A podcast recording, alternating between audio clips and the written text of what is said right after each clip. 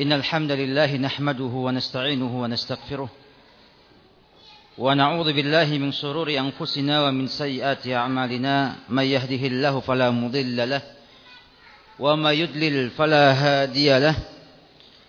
أشهد أن لا إله إلا الله وحده لا شريك له وأشهد أن محمدا عبده ورسوله صلى الله عليه وعلى آله وصحبه وسلم تسليما كثيرا. ما بعد فقد قال الله تعالى في كتابه الكريم يا أيها الذين آمنوا اتقوا الله حق تقاته ولا تموتن إلا وأنتم مسلمون.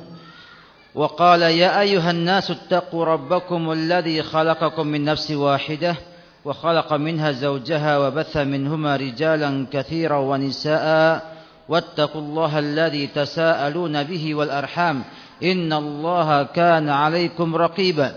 وقال يا أيها الذين آمنوا اتقوا الله وقولوا قولا سديدا يصلح لكم أعمالكم ويغفر لكم ذنوبكم وما يطع الله ورسوله فقد فاز فوزا عظيما.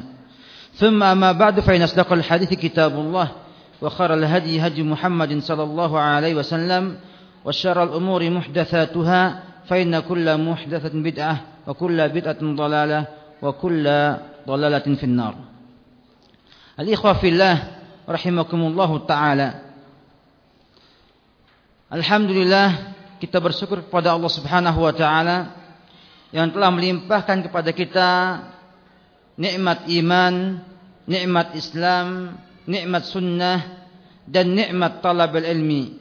Nikmat bisa belajar hari ke hari, jam ke jam, menit ke menit, saat ke saat yang menunjukkan kita semua insyaallah berada di jalannya Allah Subhanahu wa taala.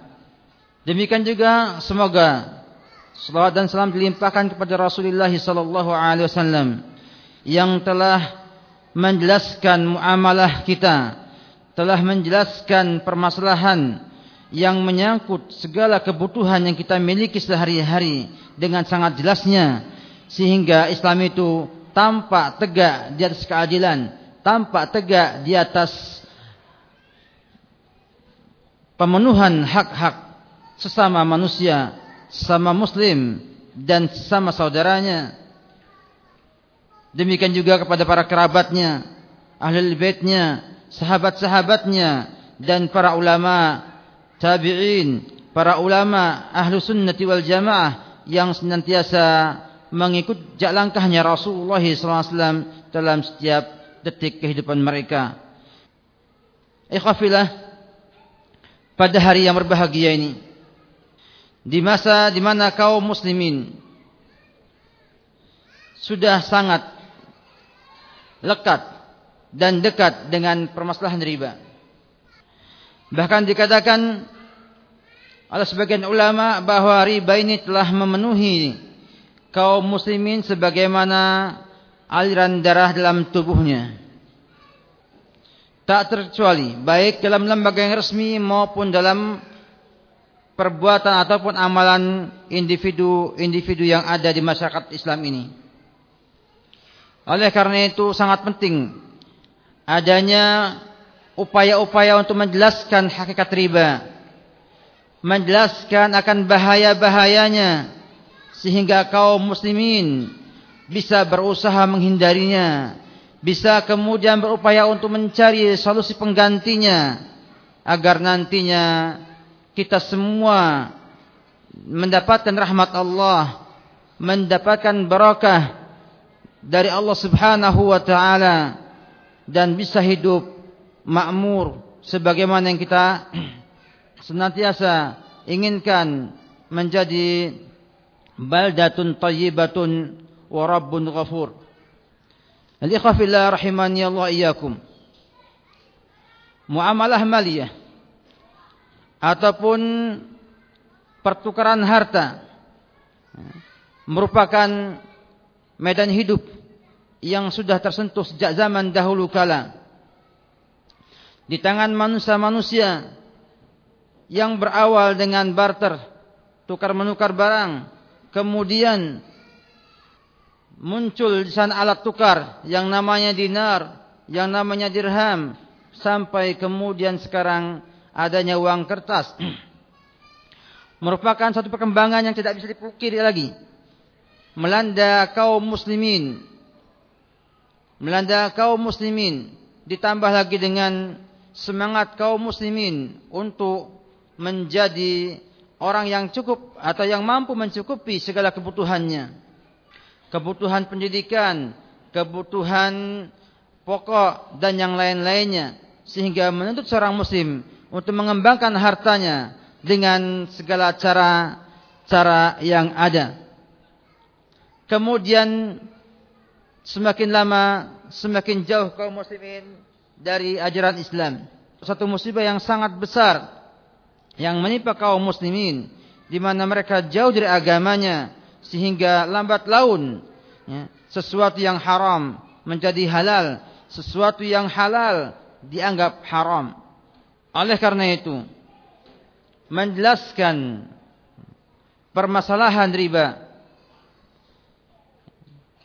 yang mendapat perhatian dalam Al-Quran dan juga sunnah Rasulullah sallallahu alaihi wasallam mestinya juga mendapat perhatian dari kaum muslimin agar mereka tidak terkena musibah, tidak terkena bencana disebabkan karena riba yang mereka jalani, riba yang mereka makan, riba yang mereka geluti setiap harinya.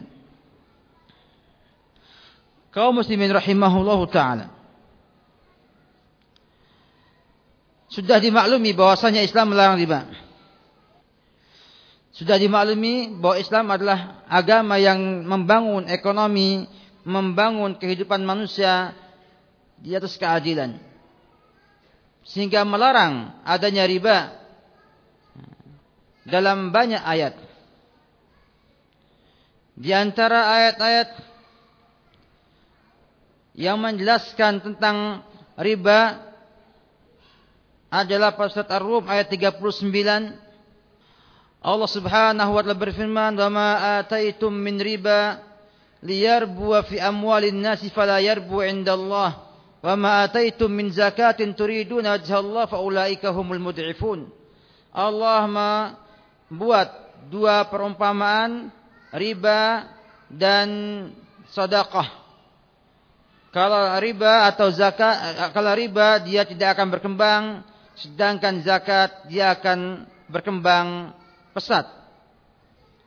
Kemudian An-Nisa ayat 160 161.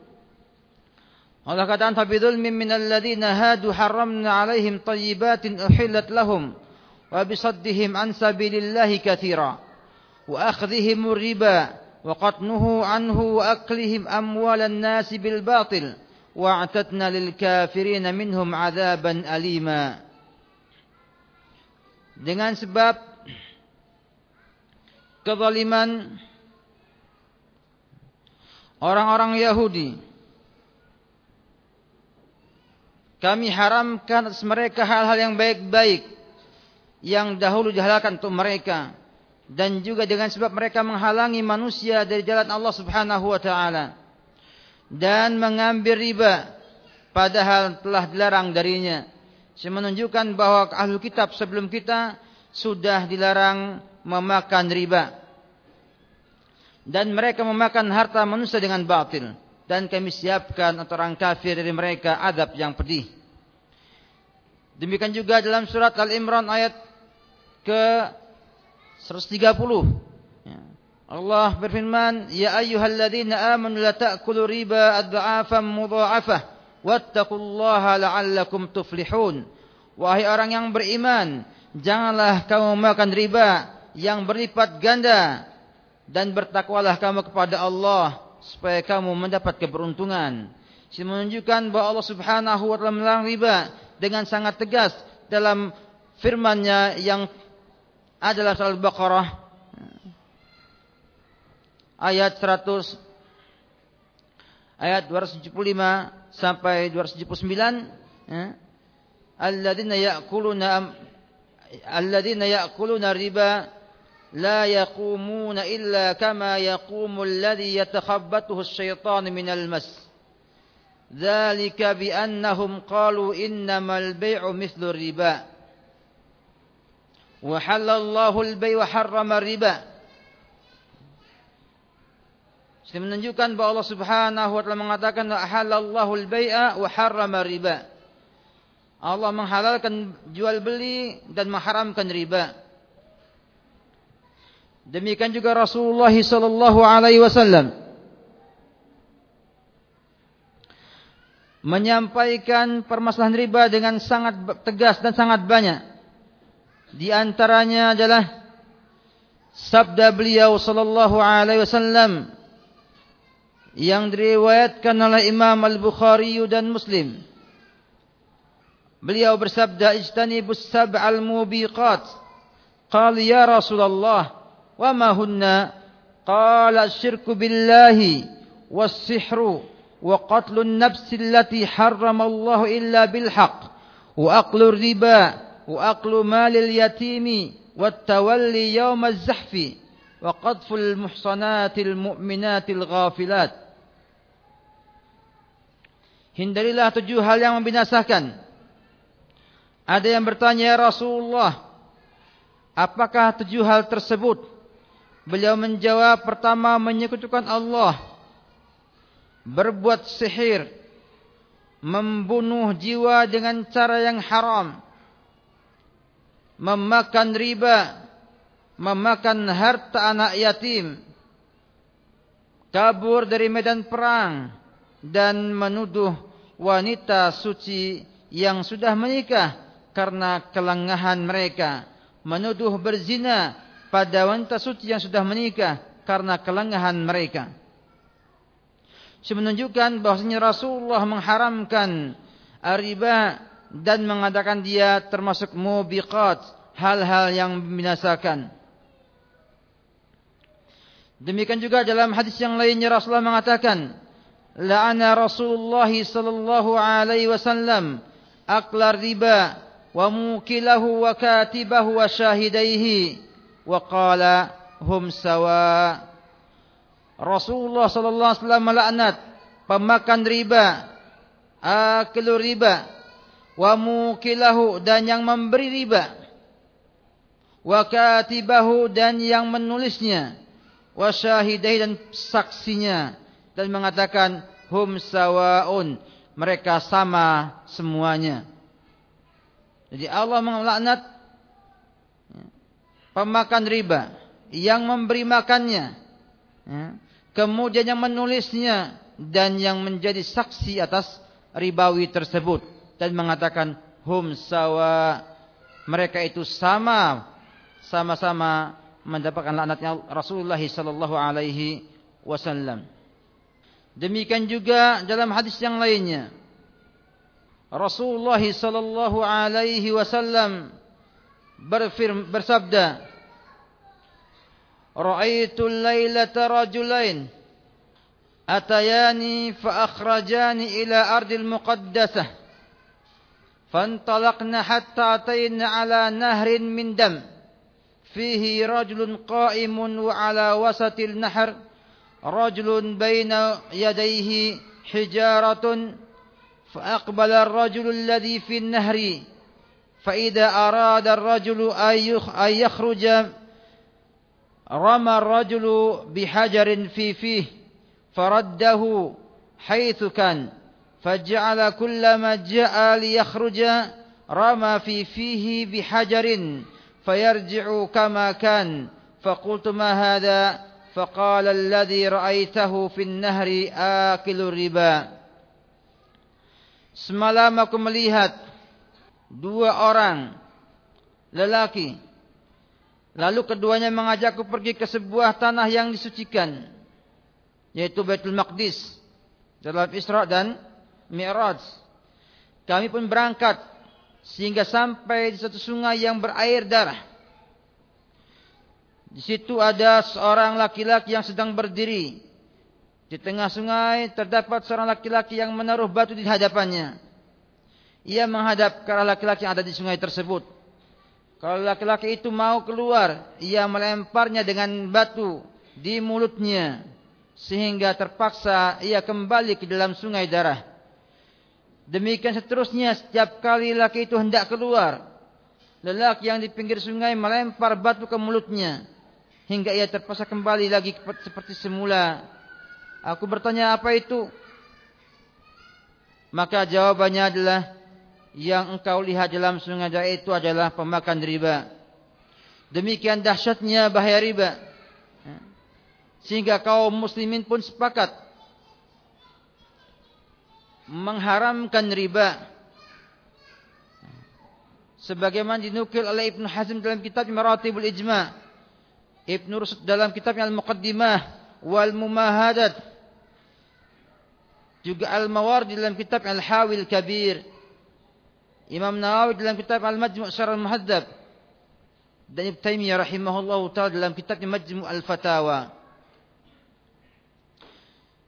di sini kita lihat riba Hanfilah zaman jahiliyah sudah mendarah daging pada mereka. Maka dibutuhkan hanya tahapan-tahapan pengharaman riba yang dijelaskan oleh para ulama rahimahullahu taala. Dan ini satu hari satu hal yang cukup diperhatikan oleh kita semua adalah kita mengikuti manhajnya Al-Qur'an dalam berdakwah yaitu adanya tadarruj tahapan demi tahapan riba diharamkan oleh Allah Subhanahu wa taala dalam empat tingkatan. Empat tahapan. Yang pertama dengan mematahkan paradigma manusia bahwa riba akan melipat gandakan harta. Dan sekarang ya khanfilah kalau kita melihat pada kaum muslimin sekarang ini mereka menganggap bahwa dengan riba akan berlipat ganda harta mereka. Sehingga tidak dipungkiri lagi bahwa mereka tidak pernah meminjamkan uang kecuali minta keuntungan dari utang tersebut. Karena masih menganggap riba itu akan melipat gandakan hartanya.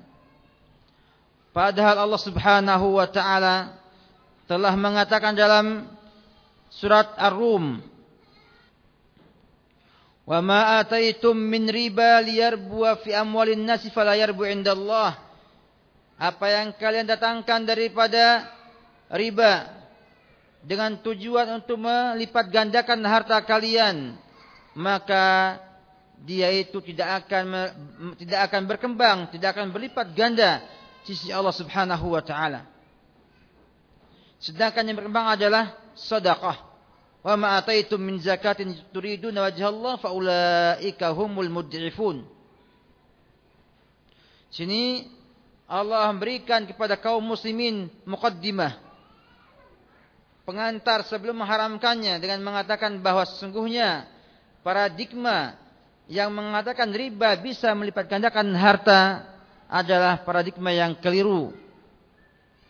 Sehingga sekarang ya tidak ada atau hampir semua orang menganggap dengan menyimpan ya, dan mengembangkan harta dengan cara ribawi akan membuat harta berlipat ganda dan akan memudahkan dia untuk menjadi orang kaya. Kemudian setelah mengerti ini Allah turunkan ayat yang kedua surat An-Nisa ayat 160 161 Allah berfirman فَبِذُلْمٍ مِّنَ الَّذِينَ هَادُوا حَرَّمْنَا عَلَيْهِمْ طَيِّبَاتِ أُحِلَّتْ لَهُمْ وَبِصَدِّهِمْ عَن سَبِيلِ اللَّهِ كَثِيرًا وَأَخْذِهِمُ الرِّبَا وَقَتْنُهُ عَنْهُ وَأَكْلِهِمْ أَمْوَالَ النَّاسِ بِالْبَاطِلِ وَأَعْتَدْنَا لِلْكَافِرِينَ مِنْهُمْ عَذَابًا أَلِيمًا Sini menunjukkan bahwasanya Allah Subhanahu wa taala belum mengharamkan pada kaum muslimin riba. Namun telah mengatakan bahwa riba diharamkan pada umat yang terdahulu. Sehingga akan terpahami oleh kaum muslimin bahwa Allah mengharamkan riba pada umat terdahulu karena jeleknya, karena buruknya akibat riba ini. Kemudian berlanjut dengan tahapan yang ketiga, yaitu memberi gambaran bahwa riba secara sifatnya akan menjadi berlipat ganda dengan mengatakan ya ayyuhalladzina amanu la ta'kulu riba ad'afan mudha'afah wattaqullaha la'allakum tuflihun. Wahai orang yang beriman janganlah kamu makan riba yang dengan berlipat ganda dan bertakwalah kamu kepada Allah supaya kamu mendapat keberuntungan. Di sini kita lihat bahwa riba secara sifat dan karakternya akan menjadi berlipat dan akan semakin besar yang tentunya akan menyusahkan orang lain yang terlibat dalamnya. Dan ayat ini Khanfilah tidak membahas bahwasanya mengharamkan riba yang besar-besar saja sedangkan riba yang kecil tidak diharamkan. Tidak. Sini larangan kita memakan riba. Karena riba itu akan terus berlipat, berlipat dan akan menyusahkan orang lain membayarnya. Kemudian datanglah yang keempat, pengharaman segala macam bentuk riba. Sebagaimana dalam firman Allah Subhanahu wa taala yang cukup panjang dari surat Al-Baqarah ayat 265, 275 sampai 279. Kita sedikit membahas hal ini supaya nanti tampak bagaimana bahaya riba yang Allah sampaikan dalam ayat-ayat ini. Allah berfirman alladzina yaquluna riba la yaqumuna illa kama yaqumul ladzi yatakhabbathu asyaitanu minal mas. Orang yang memakan riba tidaklah bisa bangun kecuali sebagaimana bangunnya orang yang kena masukan jin. Orang yang gila kemasukan jin. Para ulama tafsir mengatakan ini di akhirat nanti. Ini kata mereka di akhirat nanti dibangkitkan di hari kiamat dalam keadaan seperti orang yang gila karena kemasukan jin atau setan.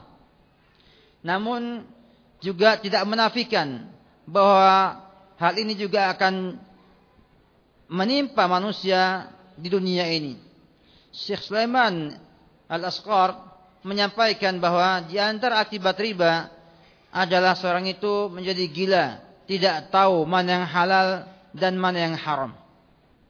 Di antara bahaya riba kata kata beliau rahimahullah taala adalah seorang itu menjadi gila karena tidak tahu mana yang halal dan haram lagi dan tidak tahu mana saudara dan bukan saudara lagi Kemudian dzalika bi annahum qalu innamal bai'u mithlu riba.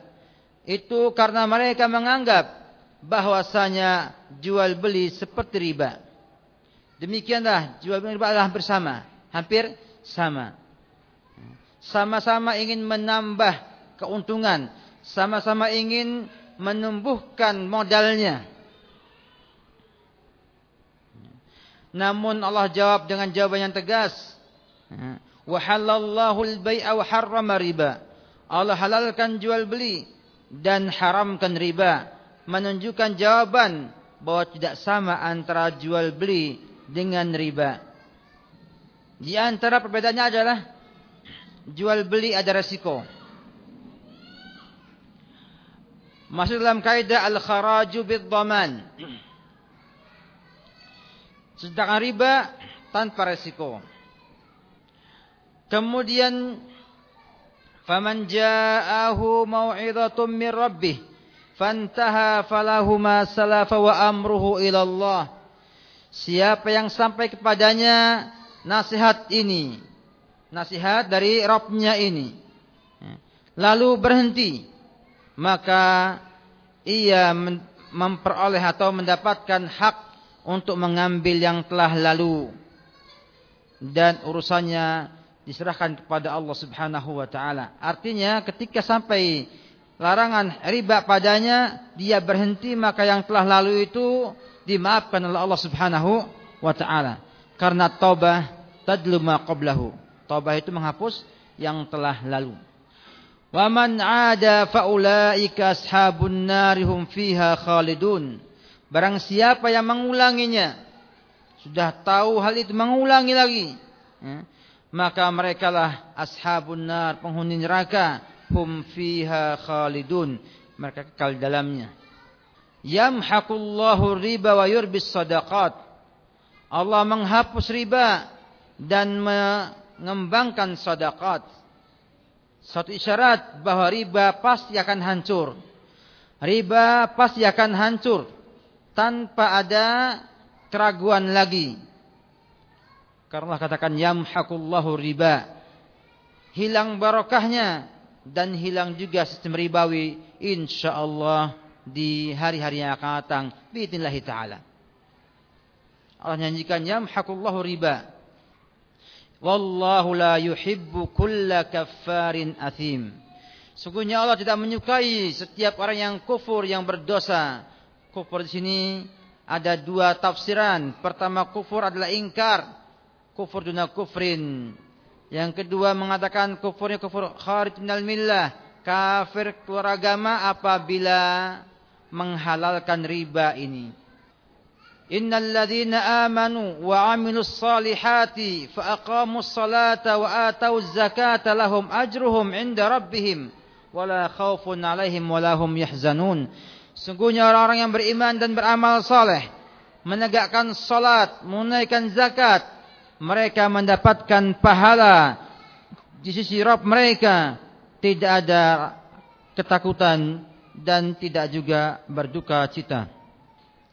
Ini menunjukkan bahwa orang yang beriman dan beramal soleh yang menegakkan salat dan zakat tidak akan mau mengambil riba dan tidak akan mau berbuat perbuatan ribawi.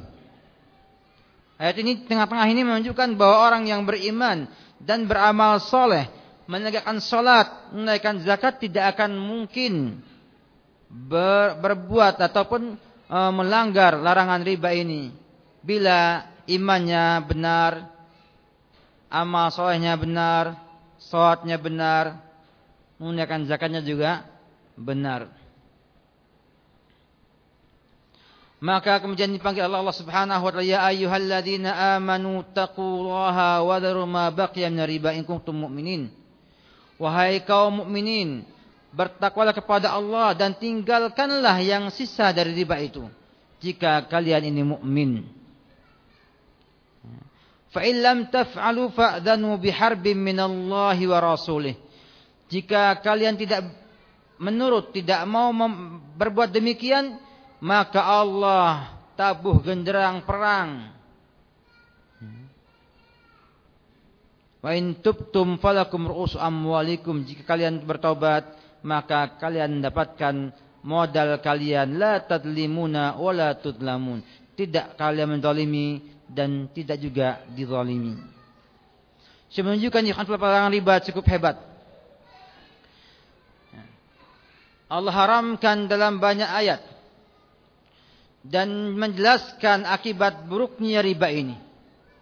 Sehingga bisa kita ambil ya, keterangan yang disampaikan oleh Ustaz Muhammad Arifin Badri dalam kitab riba dan tinjauan kritis perbankan syariat.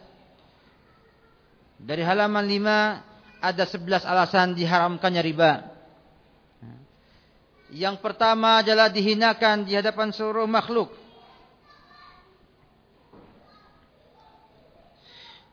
Ia dibangkitkan dari alam kubur dalam keadaan bagikan orang keserupan lagi gila.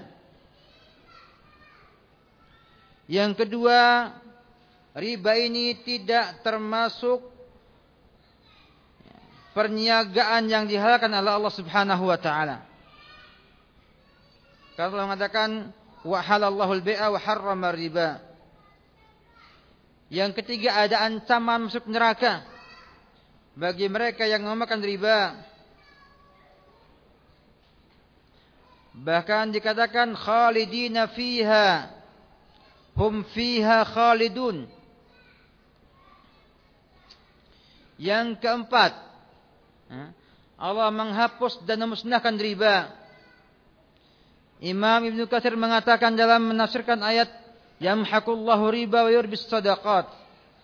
Kata beliau Allah taala mengabarkan bahwa ia akan memusnahkan riba. Maksudnya bisa saja memusnahkannya secara keseluruhan dari tangan pemiliknya atau menghalangi pemiliknya dari keberkahan harta tersebut. Dengan demikian, pemilik riba tidak mendapatkan kemanfaatan harta ribanya. Bahkan Allah akan membinasakannya dengan harta tersebut dalam kehidupan akhirat dunia dan kelak di hari akhirat Allah akan menyiksanya akibat harta tersebut. Sehingga kata Rasulullah SAW, Inna riba wa in kathura akibatuhu tasiru ila aqal. Sungguhnya riba walaupun banyak, akibatnya akan membuatnya menjadi kecil sedikit. Demikian ikhwan filah terbukti dengan nyata bahwa dalam waktu ini banyak negara yang bersandar kepada riba hancur. Ya. Ada krisis ya, ekonomi. Ya, yang demikian besarnya sampai perusahaan yang dunia besar ya, akhirnya memecat ataupun memphk-kan separuh karyawannya dan yang lain sebagainya karena mereka terkena praktek ribawi ini. Kemudian yang kelima, Allah mensifati pemakan riba dengan julukan orang yang senantiasa berbuat ingkar dan selalu berbuat dosa. Kullu kaffarin athim. Yang keenam, adanya perintah takwa pada kaum muslimin dengan meninggalkan riba. Yang ketujuh, adanya perintah keras, tegas untuk meninggalkan riba. Yang ke, yang kedelapan meninggalkan riba sebagai bukti keimanan. Wa daru ma baqiya min riba in kuntum mu'minin. Yang kesembilan Allah Ta'ala mengumandangkan peperangan kepada orang yang enggan meninggalkan riba. Fa'dhanu biharbi minallahi wa rasulih. Demikian yang ke-10 ya, mensifatkan orang yang meninggalkan riba dan hanya mengambil modalnya sebagai tak terzalimi dan tidak menzalimi yang ke-11 riba menjadi lawannya sedekah yamhaqullahu riba wa yurbis sadaqat ini kata beliau di antara Sebelas alasan diharamkannya riba yang beliau bahas pada halaman 5 sampai halaman ke-20.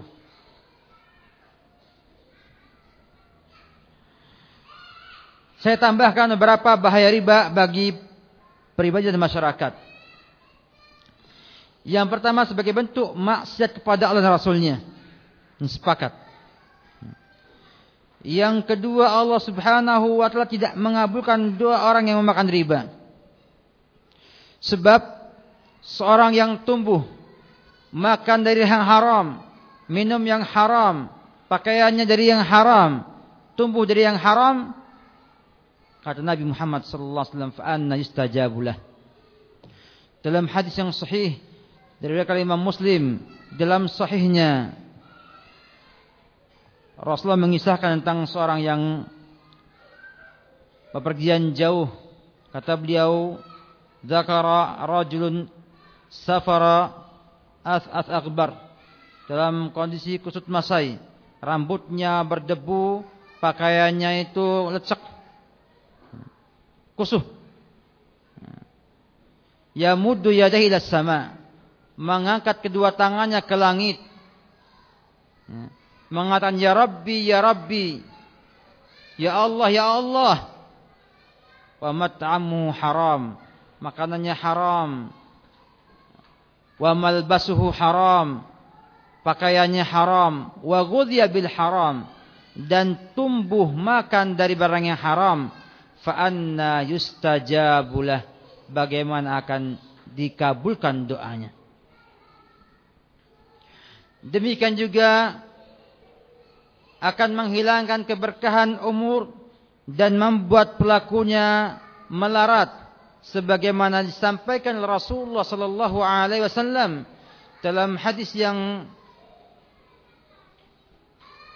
sahih disahal Al-Albani rahimahullahu taala dari hadisnya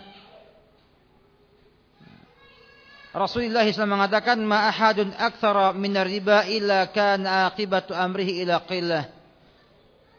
Tidak ada seorang pun yang dia itu memperbanyak hartanya dari riba kecuali akhir perkaranya adalah menjadi berkurang ataupun menjadi sedikit. Demikian juga bahwa orang yang memakan riba ini akan dibangkitkan dari kiamat seperti orang gila dan kesurupan. Demikian juga ada bahaya-bahaya lainnya yang menyangkut kepada kepribadian manusia, di antaranya menimbulkan sifat-sifat jelek pada diri manusia.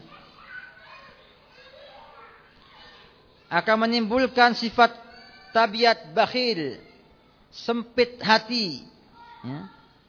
Hatinya keras dan menjadi penyembah harta. Ini adalah sifat yang langsung tampak pada pemakan riba. Dan orang yang senang dengan riba, dapatkan mereka akan bakhil, ya. akan sempit, hatinya keras dan menyembah harta. Kenapa demikian? Karena antum lihat kepada aturan riba ini didapatkan hal itu menyelisihi akhlak yang luhur dan menghancurkan karakteristik perbentukan masyarakat Islam.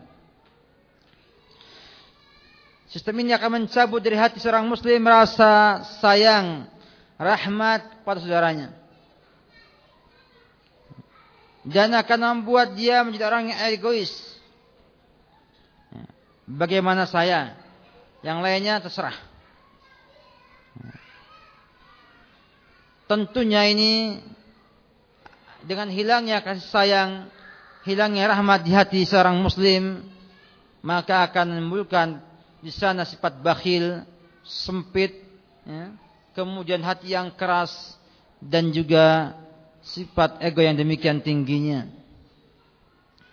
Sehingga didapatkan seorang pemakan riba ini tidak suka berlomba-lomba dalam kebaikan, tidak suka infak, sedekah. Eh? Kenapa? Karena ia memandang bahwa semua hartanya itu harus punya eh, riba, harus ada tambahan bila digunakan oleh orang lain. Ini juga otomatis akan membuat masyarakat dan sosial menjadi runyam Gampangannya akan timbul gap, akan timbul di sana kesenjangan antara orang kaya dengan miskin. Yang otomatis akan membuat kejahatan di mana-mana. Akan timbul penyakit jiwa di mana-mana. Karena masyarakat yang bermuamalah dengan muamalah ribawi tidak ada lagi kasih sayangnya kepada orang lain dan yang lain pun menganggap dia sebagai musuhnya. Sehingga muncullah kekacauan dalam masyarakat dan sosial satu kaum. Bahkan dikatakan bahwa riba ini adalah sebab dalam banyak penyakit jantung. Sebagaimana penelitian seorang dokter ahli penyakit dalam bernama Dr. Abdul Aziz Ismail dalam kitabnya Islam wa Tibul Hadis. Islam Wattibul hadis dia katakan riba ada sebab dalam banyaknya penyakit jantung. Demikian juga sistem riba ini menjadi sebab kehancuran negara dan juga perekonomian yang ada. Krisis ekonomi yang menimpa dunia ini bersumber pada umum secara umum kepada hutang-hutang riba yang berlipat-lipat ganda pada banyak perusahaan besar dan kecil. Akibat riba ini perusahaan hanya membayar bunganya, membayar bunga, membayar bunga dan modalnya tetap menjadi hutang baginya. Sehingga ada upaya daripada pihak-pihak negara modern untuk berusaha untuk mengurangi suku bunga uh, dalam peminjaman, membatasi persentase bunga ribawi. Namun hal itu tidak menghapus bahaya riba.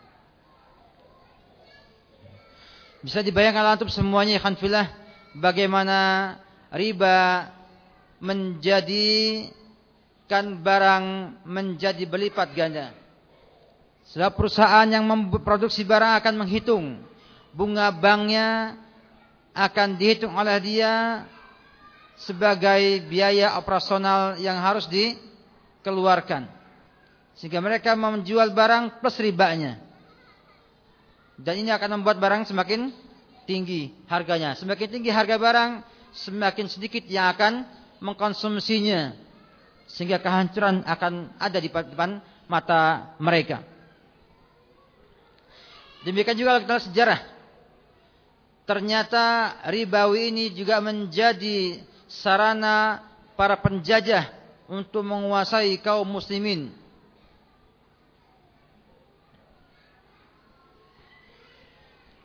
Dan cara yang paling efektif ya, yang membuat runtuh banyak negara negara Islam adalah dengan riba ini.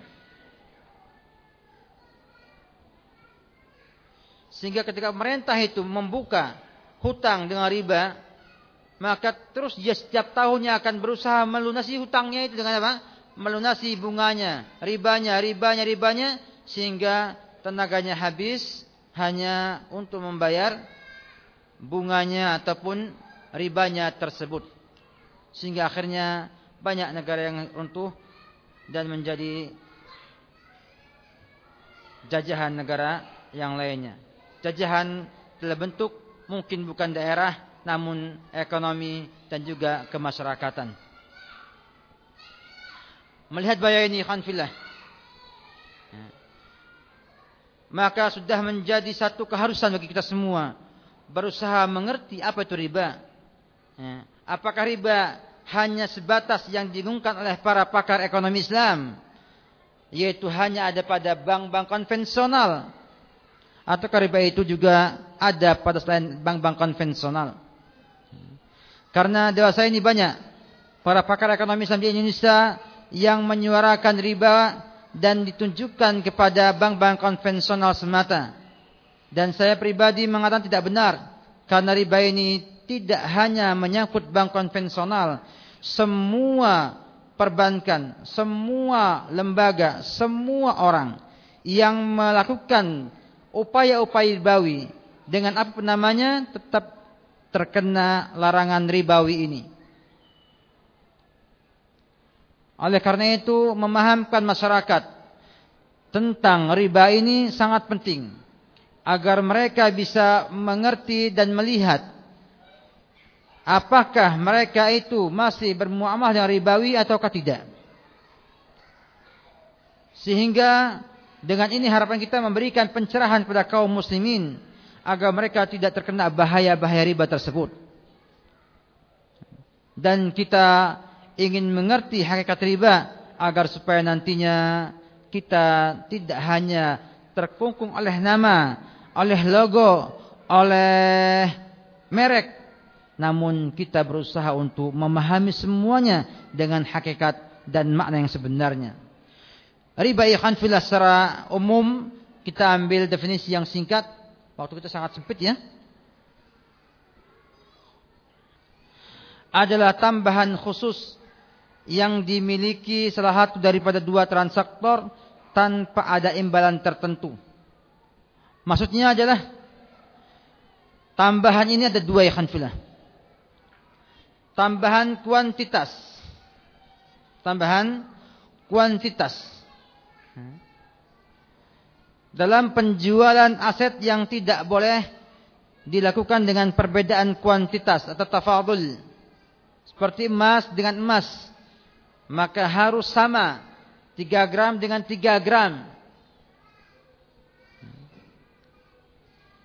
Demikian juga tambahan lainnya tambah dalam hutang piutang. Kita ngutangkan namun minta tambahan. Demikian juga tambahan yang tentukan pada waktu penyerahan barang berkaitan dengan penjualan aset atau komoditi ribawi yang kita akan bahas dengan panjang insyaallah setelah ini. Ada juga yang mengatakan adalah tafadulun fi mubadalatin ribawiyyah bijinsihi wa ta'khirul qabdi fi ma yajibu fihi qabdu. Adanya selisih dalam pertukaran barang ribawi yang sejenis dan mengakhirkan serah terima pada sesuatu yang wajib padanya ada serah terima kontan. Ini semuanya mencoba ya untuk mendefinisikan riba dengan dasar dan pandangan yang berbeda. Yang pertama ini memandang riba riba jual beli. Yang pertama tadi memandang riba secara umum. Sehingga para ulama rahimahullah membagi riba menjadi dua bagian. Ada riba jahiliyah atau riba qard, ada riba jual beli. Riba jahiliyah adalah pertambahan dalam hutang sebagai imbalan tempo pembayaran. Baik disyaratkan ketika tempo jatuh tempo atau di awal tempo pembayaran. Ini riba jahiliyah. Yang ia dapat diaplikasikan dalam tiga bentuk aplikasi di zaman jahiliyah dahulu. Yang pertama adalah riba pinjaman. Yakni yang direfleksikan dalam satu kaidah di masa jahiliyah ya, ta'ajjal azid. Ta'ajjal azidu. Tangguhkan hutangku, saya akan tambah. Dan ini banyak di kalangan kaum muslimin. Ya. Ketika jadi tempo pembayaran kata dia udah tunda ya sepekan saya tambah uang nanti. Riba jahiliyah. Sebagaimana disampaikan oleh Imam Qatadah bin Da'amah Sadusi, seorang tabi'in masyhur, muridnya sahabat yang mulia Anas bin Malik radhiyallahu taala anhu. Dia mengatakan, Sesungguhnya riba di masa jahiliyah bentuknya sebagai berikut. Ada seseorang yang menjual barang untuk dibayar secara tertunda. Kalau sudah jatuh tempo pembayaran, sementara orang yang berhutang itu tidak mampu membayarnya. Ia menangguhkan pembayarannya dan menambah jumlahnya. Jadi, ya, seorang yang memiliki hutang, misalnya sampai tempo pembayarannya sebulan. Setelah sebulan lamanya, pas pada hari H, tempo pembayaran, ternyata ia tidak punya uang. Maka mengatakan, sudah tunda sebulan lagi, saya tambah keuntungannya. Maka beralasan, ini namanya pertambahan dengan sebab penundaan hutang piutang. Kata mereka, Ustadz, kalau uang itu kita gunakan untuk usaha, tentu akan bertambah nilainya. Dan semakin lama uang semakin berkurang. Kenapa saya tidak boleh mengambil keuntungan dengan penambahan waktu tersebut? Kita katakan itu adalah karena riba, ya, karena riba dan yang kedua karena alasan anda mengatakan kalau itu dipakai untuk usaha akan bertambah hasilnya itu baru perkiraan karena ada risiko juga akan berkurang harta tersebut bila jadi usaha sehingga tidak bisa dijadikan sebagai alasan untuk mengambil uang akibat penundaan pembayaran hutang tersebut. Sebab hutang itu khanfilah dinamakan dalam bahasa syariat akadnya akad tabarru. Ada dua akad dalam Islam. Akad namanya muawadhah ya. artinya akad mencari keuntungan bisnis oriented. Yang kedua namanya akad tabarru yang dalam bahasa adalah nirlaba ya. tidak mengambil keuntungan ya. bisnis hutang termasuk yang kedua tujuannya adalah untuk menolong kaum muslimin untuk menolong kaum muslimin, untuk melapangkan kaum muslimin yang sedang terkena musibah kekurangan tersebut. Sehingga tidak boleh ada kelebihan keuntungan yang menjadi bagian hutang piutang tersebut. Imam Ibnu Qayyim rahimahullahu taala dalam kitabnya Ilamul Muwaqqi'in mengatakan, adapun riba yang jelas adalah riba nasi'ah Itulah riba yang dilakukan oleh masyarakat Arab zaman jahiliyah. Seperti menangguhkan pembayaran hutang. Namun menambahkan jumlahnya. Setiap kali ditangguhkan. Semakin bertambah jumlahnya. Sehingga hutang 100 dirham menjadi beribu-ribu dirham. Bentuk kedua adalah pinjaman dengan pembayaran tertunda namun dengan syarat harus dibayar dengan bunganya. hutang itu dibayar sekaligus pada saat berakhirnya masa pembayaran. Ini pun juga ada dalam kaum muslimin ya, seperti orang yang hutang uang sejuta dalam waktu setahun lamanya dengan syarat membayarnya sejuta seratus di masa tersebut. Ini juga bentuk kedua riba jahiliyah sebagaimana disampaikan oleh Imam Al-Jassas dalam ya, tafsirnya kata beliau riba yang dikenal dan biasa dilakukan oleh masyarakat Arab adalah berbentuk pinjaman uang dirham atau dinar yang dibayar secara tertunda dengan bunganya dengan jumlah sesuai dengan jumlah hutang dan sesuai dengan kesepakatan bersama. Juga yang termasuk hal ini adalah orang yang meminjamkan modal dalam jangka waktu tertentu dengan mengambil keuntungan persentase dari modal yang diberikannya. Ini juga termasuk muamalah ribawiyah. Dan ini banyak pada kaum muslimin. Saya punya uang sejuta, ingin saya ingin saya investkan kepada satu usaha, tapi minta 10% dari sejuta setiap tahunnya. Sama dengan mengatakan saya hutangkan uang sejuta dalam setahun tambah 10 persen. Sama. Bentuk yang ketiga dinamakan pinjaman berjangka. Pinjaman berjangka dan berbunga dengan syarat dibayar per bulan. Namanya kredit bulanan. Ada sekarang harian malahan. Ada ya? Kalau di Jawa namanya bank pasar. Di Jawa ada bank apa? Pasar. Datang ke ibu-ibu yang jualan sayuran, pinjamkan uang 100 ribu. Setiap hari diambil 1000, 1000, 1000 terus 1000 sampai 150 ribu. Ada. Kalau nggak mampu disita barangnya. Kata Imam Ibn Hajar Al-Haythami. Imam Ibn Hajar Al-Haythami riba yang populer di masa jahiliyah. Seseorang meminjamkan uangnya kepada orang lain untuk dibayar secara tertunda. Dengan syarat ia mengambil sejumlah uang tertentu tiap bulannya dari orang yang berhutang. Sementara jumlah piutangnya tetap. Kalau tiba waktu pembayaran, ia menuntut pembayaran uang yang ia hutangkan. Kalau ia tidak mampu melunasinya, waktu pembayaran diundur dan dia harus menambah jumlah yang harus dibayar. Sini kita lihat ternyata bentuk yang ketiga ini, ini yang sekarang berlaku di mana? Di perbankan yang ada. Kita pinjam uang, kemudian setiap bulan nyicili, ya, mungkin setahun, mungkin dua tahun, nyicil hutang plus bunganya. Bahkan sebagian lainnya mungkin di negara kita ini hanya membayar bunganya saja. Tiap bulan bayar apa?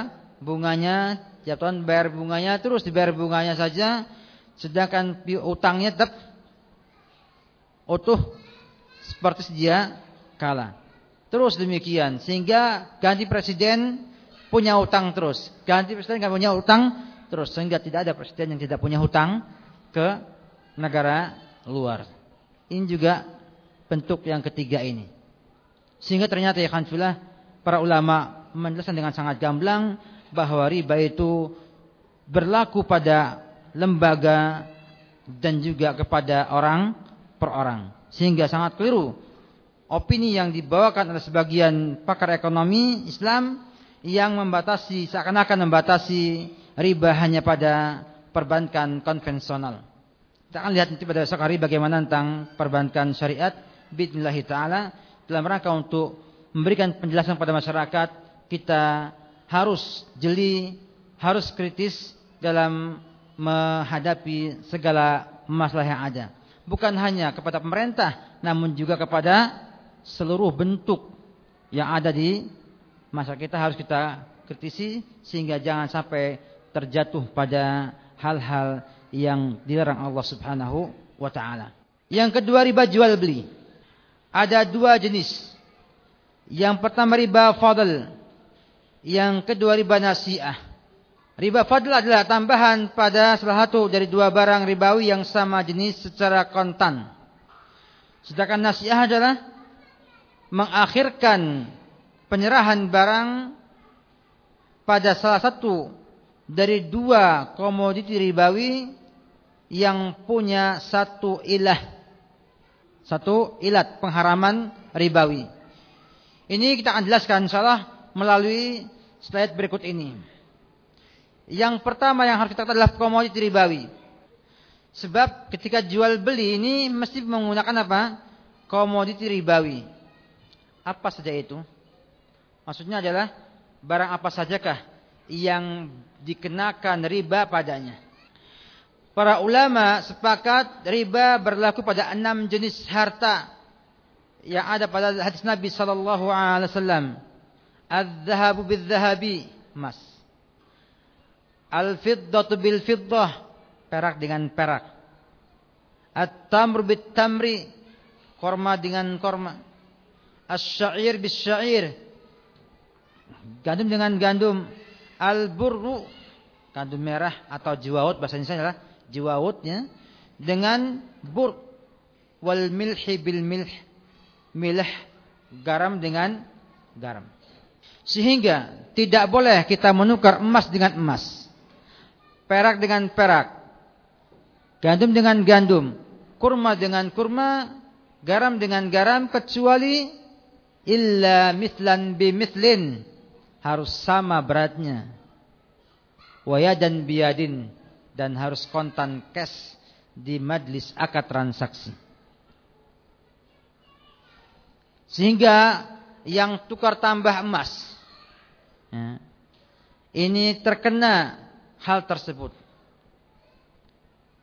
Bagaimana lolos daripada itu semua? Bila antum punya gelang 10 gram, pengen ditukar dengan cincin 10 gram. Mau enggak orang yang tukarnya? tanpa tambahan? Tidak mau sekarang ini. Coba antum ke toko emas, ya. Pak saya punya kalung 3 gram tukar dengan cincin 3 gram tanpa tambahan. Tidak mau. Sedangkan para ulama khilaf pada yang selain 6 di atas.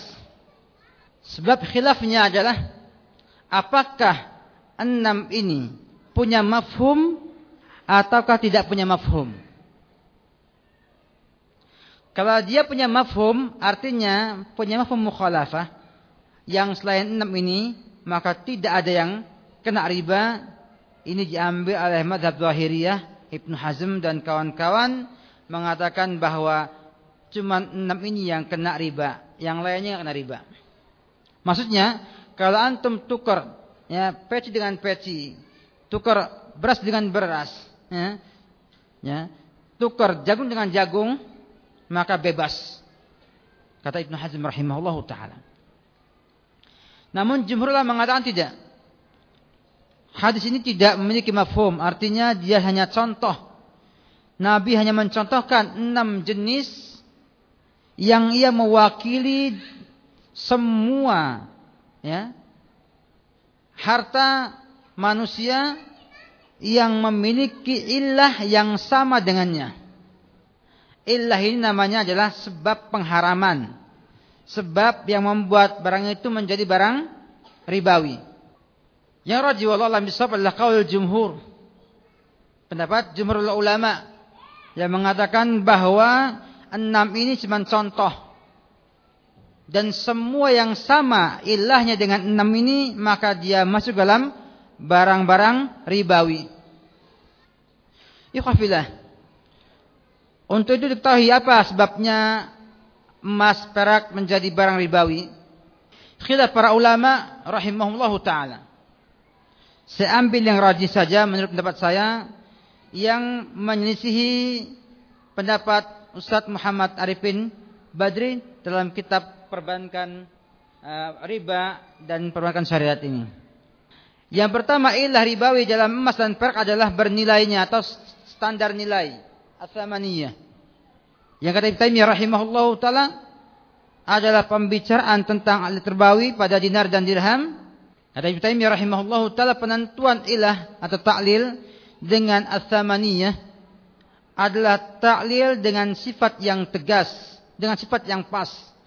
Karena maksud daripada athaman adalah untuk dijadikan standar ukuran harta benda yang mengantar kepada pengenalan ukuran harta benda bukan untuk dimanfaatkan jenisnya.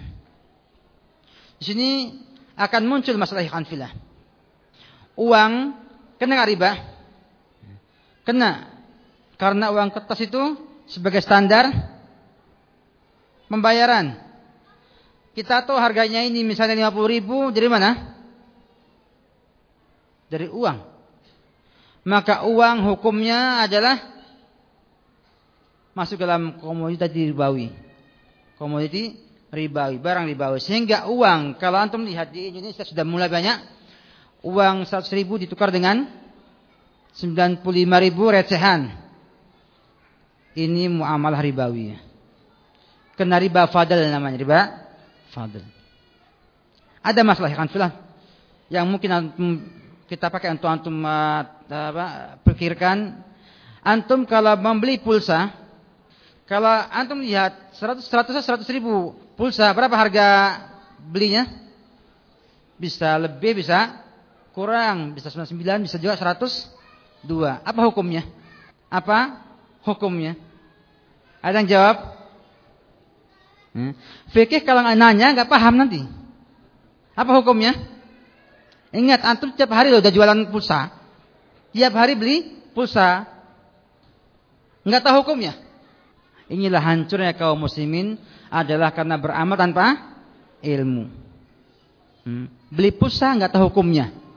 Kita beli apa? Voucher. Katanya nilainya 10 ribu rupiah. Berapa yang kita bayar uangnya? 12 ribu misalnya. Berarti jualnya ada selisihnya enggak? Berapa 2000 selisihnya? Apa hukumnya selisih ini? Lihat dulu apakah voucher ini termasuk barang ribawi atau tidak. Ya. Lihat voucher ini. Apakah ia termasuk barang ribawi atau bukan? Dilihat. Apa ilahnya? Apakah ia sama dengan uang? Artinya antum beli voucher itu antum belikan es atau belikan uh, buku di maktabah apa namanya sunnahnya. Hah? Bisa nggak dengan voucher itu membelinya? Nah, kita katakan bahwa ini bukan ribawi karena dia bukan standar pembelian dan tidak sama dengan uang. Sehingga walaupun nilainya 100 ribu itu nilai jasa yang kita beli. Sehingga hukumnya halal apa haram? Alhamdulillah. Bayangkan kalau sampai haram, eh, kita tidak bisa menggunakan HP, nggak bisa menggunakan HP. Paham ya? Jadi bayi ini nggak sembarangan, harus dilihat kembali, jangan gegabah menilainya. Baik. Kemudian ilah pada makanan pokok. Gandum, kurma, jewawut, dan garam. Empat ini semuanya makanan pokok. Bisakah Anda makan tanpa garam?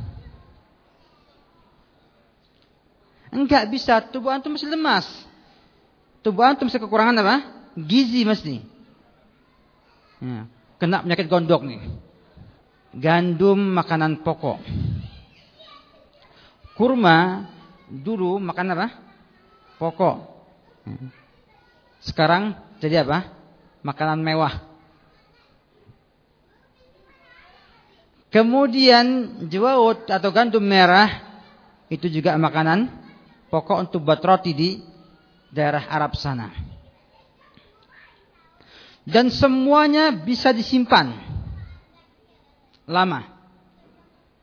Bisa simpan lama. Sehingga Ibnu Taimiyah mengatakan bahwa ilahnya ribawi pada empat. Hal ini adalah makanan pokok yang dapat disimpan.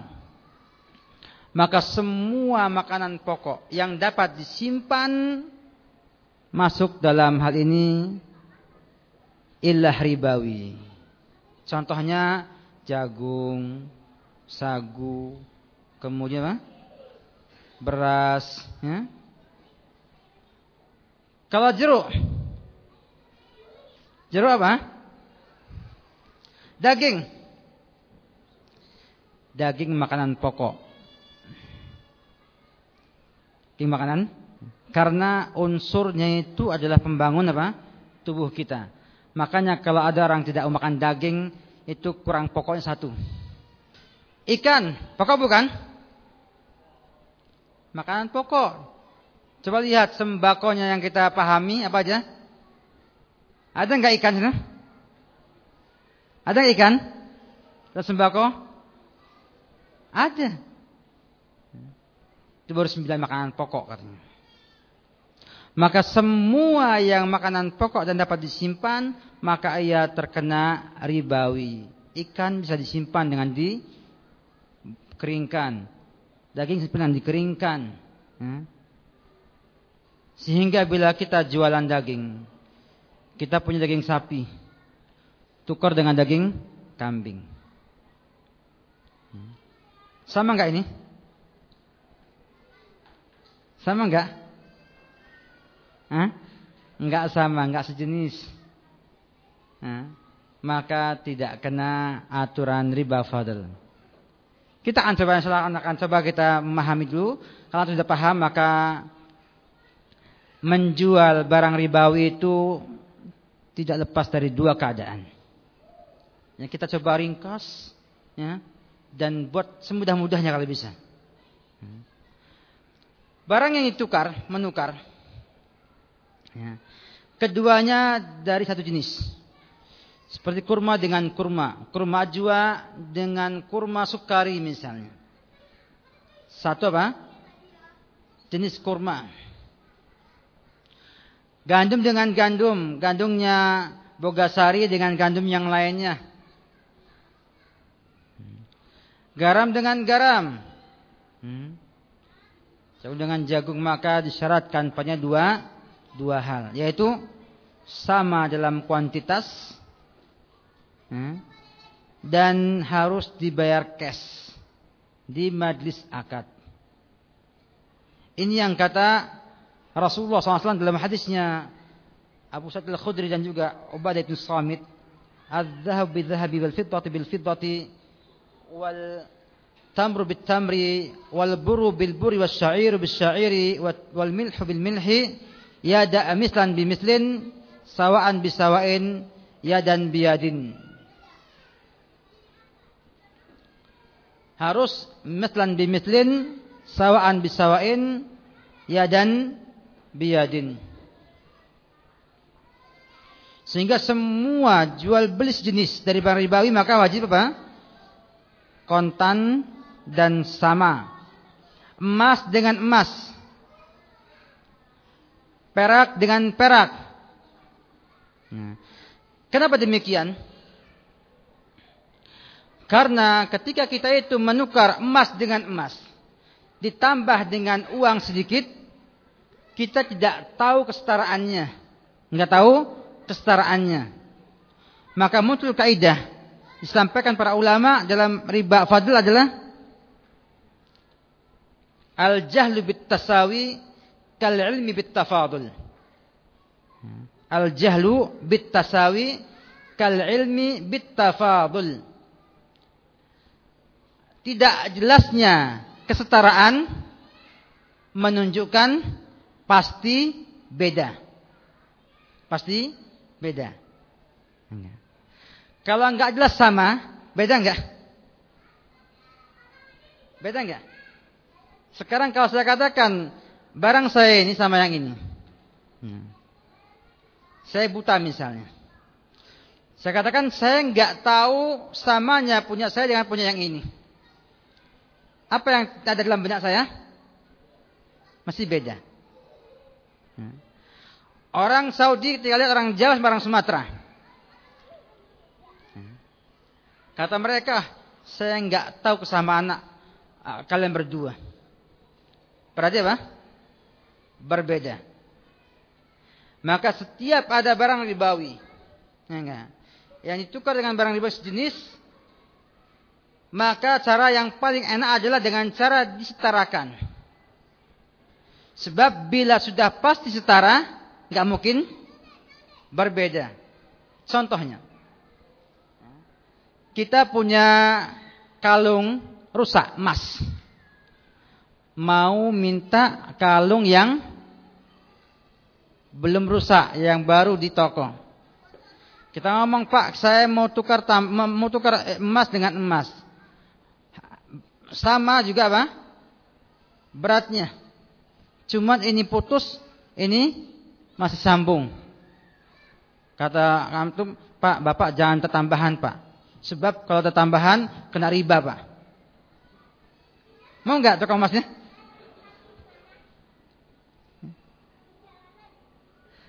Maka harus disetarakan dulu. Dijual dulu yang lama, Karena memang harga jual dan beli be, beda. Hmm. Kemudian yang baru dihargai berapa? Kemudian disetarakan, disetarakan. Muncullah di sana apa? Angka selisihnya yang harus dibayar oleh apa, konsumen. Maka ini dibolehkan. Kenapa? Karena jelas sama. Dan riba fadl adalah riba karena tidak sama. Ya. Ambil yang lainnya. Kita punya dolar, ya. punya dolar. Mau nuker dolar lagi. Saya punya harga uh, dua tiga dolaran, ya, kecil recehan. Saya minta yang besar yang 50 atau 100 dolar. Kalau di bank-bank kita ini, ya, itu dibedakan nggak harganya? Beda. Ini kecil sampai kalau lecek dikit saja mengurangi apa? Nilai. Keterlaluan. Hmm. Hmm. Itu banyak. Hmm. Kita dolar sudah kita lipat tiga kali gini. Nah, sudah kita ginikan, tidak mengurangi nilai sama sekali. Enggak mengurangi nilai sama sama sekali. Yang kedua, kalau beda jenisnya, beda jenisnya. Yang pertama beda jenis namun sama dalam ilah ribawinya. Contohnya kurma dengan gandum. Kurma sama gandum sama-sama ilahnya apa? Makanan pokok yang disimpan. Jenisnya berapa? beda. Maka kata Rasulullah fa idza ikhtalafat al-ajnasu fabi'u kaifa syi'tum idza kana yadan biyadin.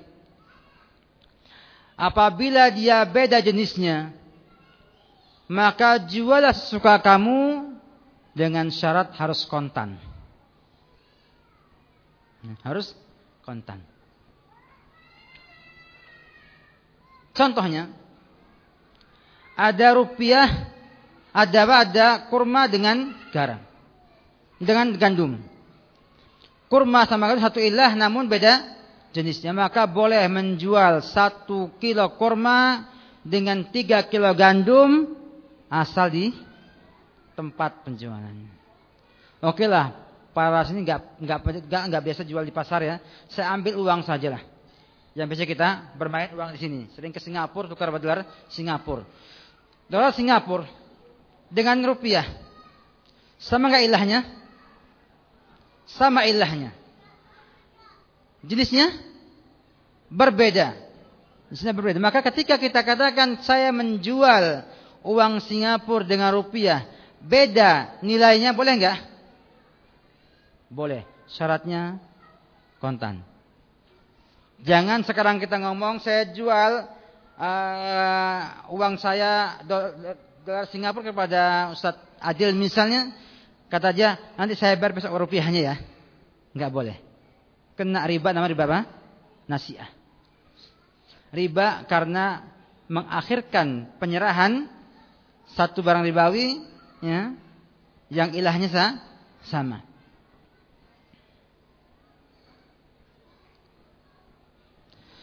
Sehingga ada kata wa bi ghairi jinsihi wajabat taqabudu faqat. Jika beda jenisnya maka wajib serah terima di majlis akad.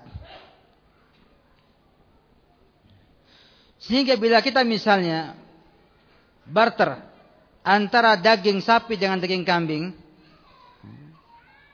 maka didapatkan adanya perbedaan jenis sama ilahnya. Maka kata ulama rahimahullah taala dibolehkan mengatakan satu kilo daging sapi setara dengan tiga kilo daging kambing, enggak. Asalkan tukar di tempat. Dan yang ketiga yang beda jenis dan ilahnya. Seperti uang dengan gandum, beras dengan uang, beda jenis dan juga ilahnya. Maka apa hukumnya? Boleh menjual semau-maunya. Eh? Tidak wajib sama kuantitasnya dan tidak wajib cash. Boleh hutang. Alhamdulillah. Kalau antum butuh beras nggak punya uang ngomong Pak saya beli berasnya utang besok ya saya bayar. Boleh alhamdulillah. Islam itu mudah ya kan sunnah. Islam itu apa? Mudah. Kalau saya tukar tambah motor, apa hukumnya?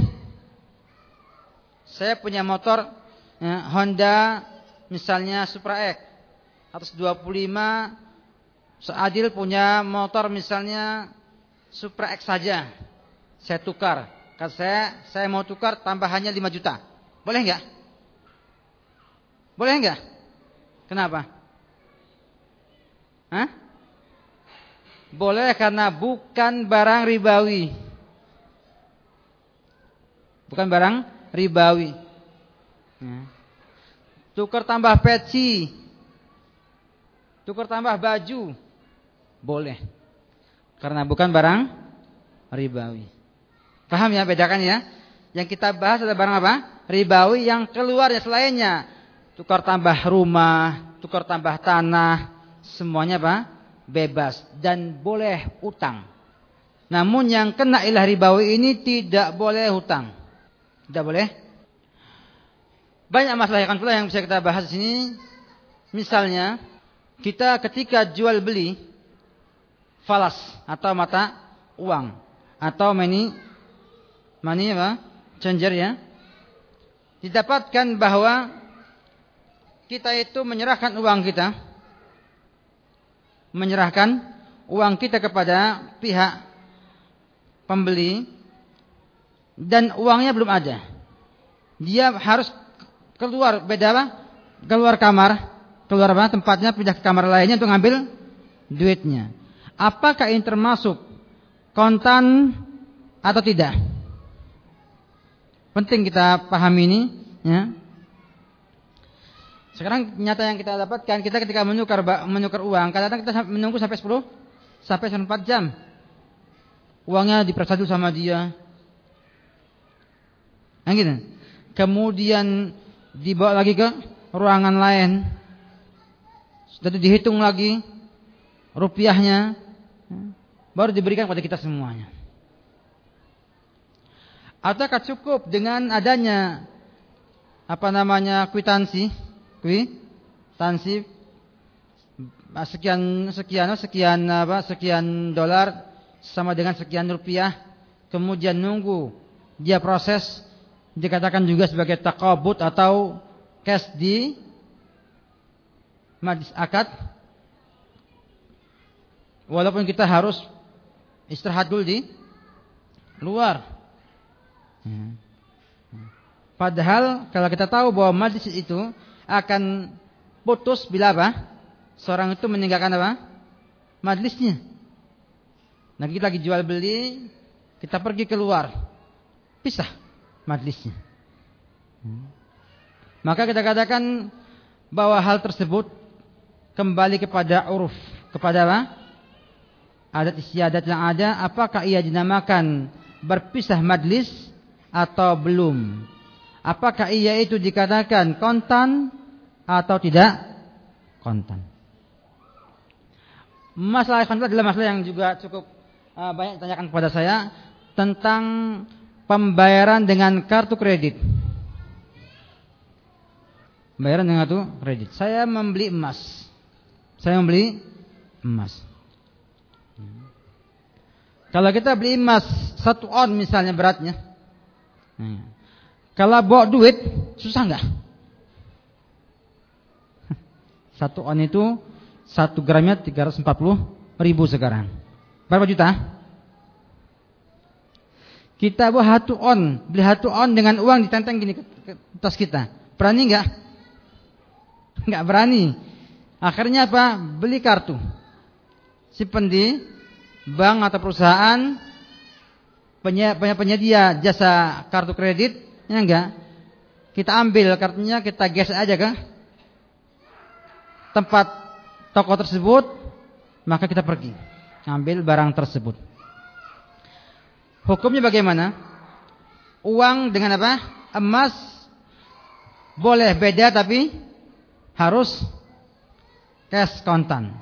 Sekarang kalau antum beli emas dengan kartu kredit, ya. utang apa apa kontan? Dilihat, dilihat. Ya.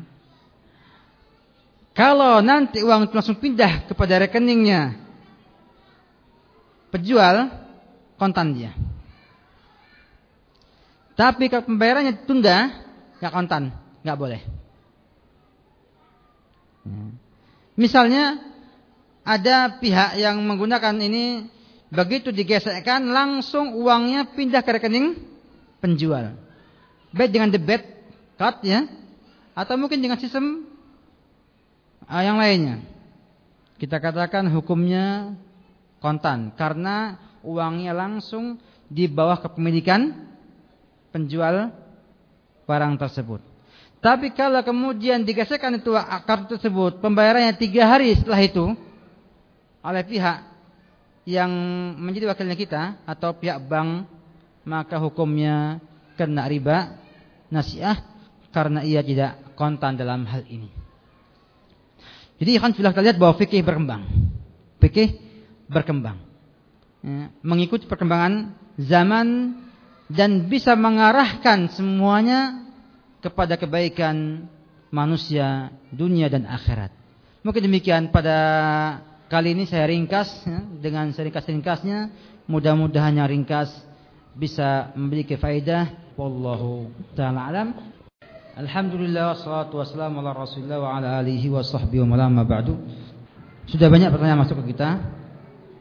Saya akan bacakan saja langsung dan saya coba untuk menjawab nah, semampu saya dan bila tidak saya mampu saya jawab maka harapan saya antum bisa tanya kepada ustaz yang lainnya ya, dalam hal ini. Bagaimana dengan sistem pinjaman namun ada administrasi di depan sebagai proses administrasi di badan tersebut? Mohon penjelasan.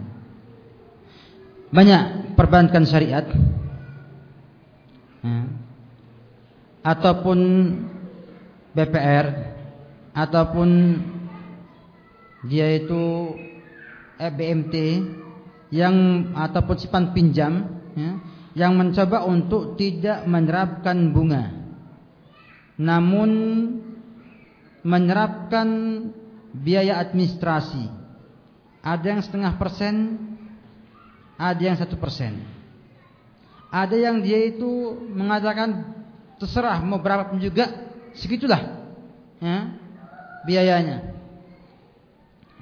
Ini yang saya tahu ada dua sistem. Yang pertama pakai persentase dari uang yang dipinjamkan. Kata mereka kalau setengah kali 5 juta ke bawah kena satu persen. Kalau sampai eh, 5 ke atas kena setengah persen ya, uh, administrasinya itu. Yang pertama, kita akan sampaikan kepada lembaga ini dan juga yang lainnya bahwa pada asalnya utang piutang itu tidak bisa dijadikan sebagai usaha. Karena di sana tidak diperkenankan mengambil manfaat keuntungan. Sehingga para ulama mengambil kaidah cukup masyhur dalam fikih. Kata mereka kullu qardin jarra manfaah fahuwa riba. Semua hutang piutang yang menghasilkan manfaat maka ia adalah riba. Manfaat ini bisa uang, bisa juga non materi. Misalnya saya pinjamkan uang saya sama kamu, syaratnya genteng saya yang bocor, perbaiki.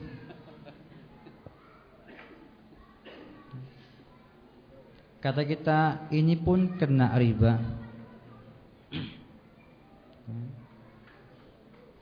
Tapi kalau memperbaiki genteng tidak ada hubungan dengan utang piutang, enggak masalah.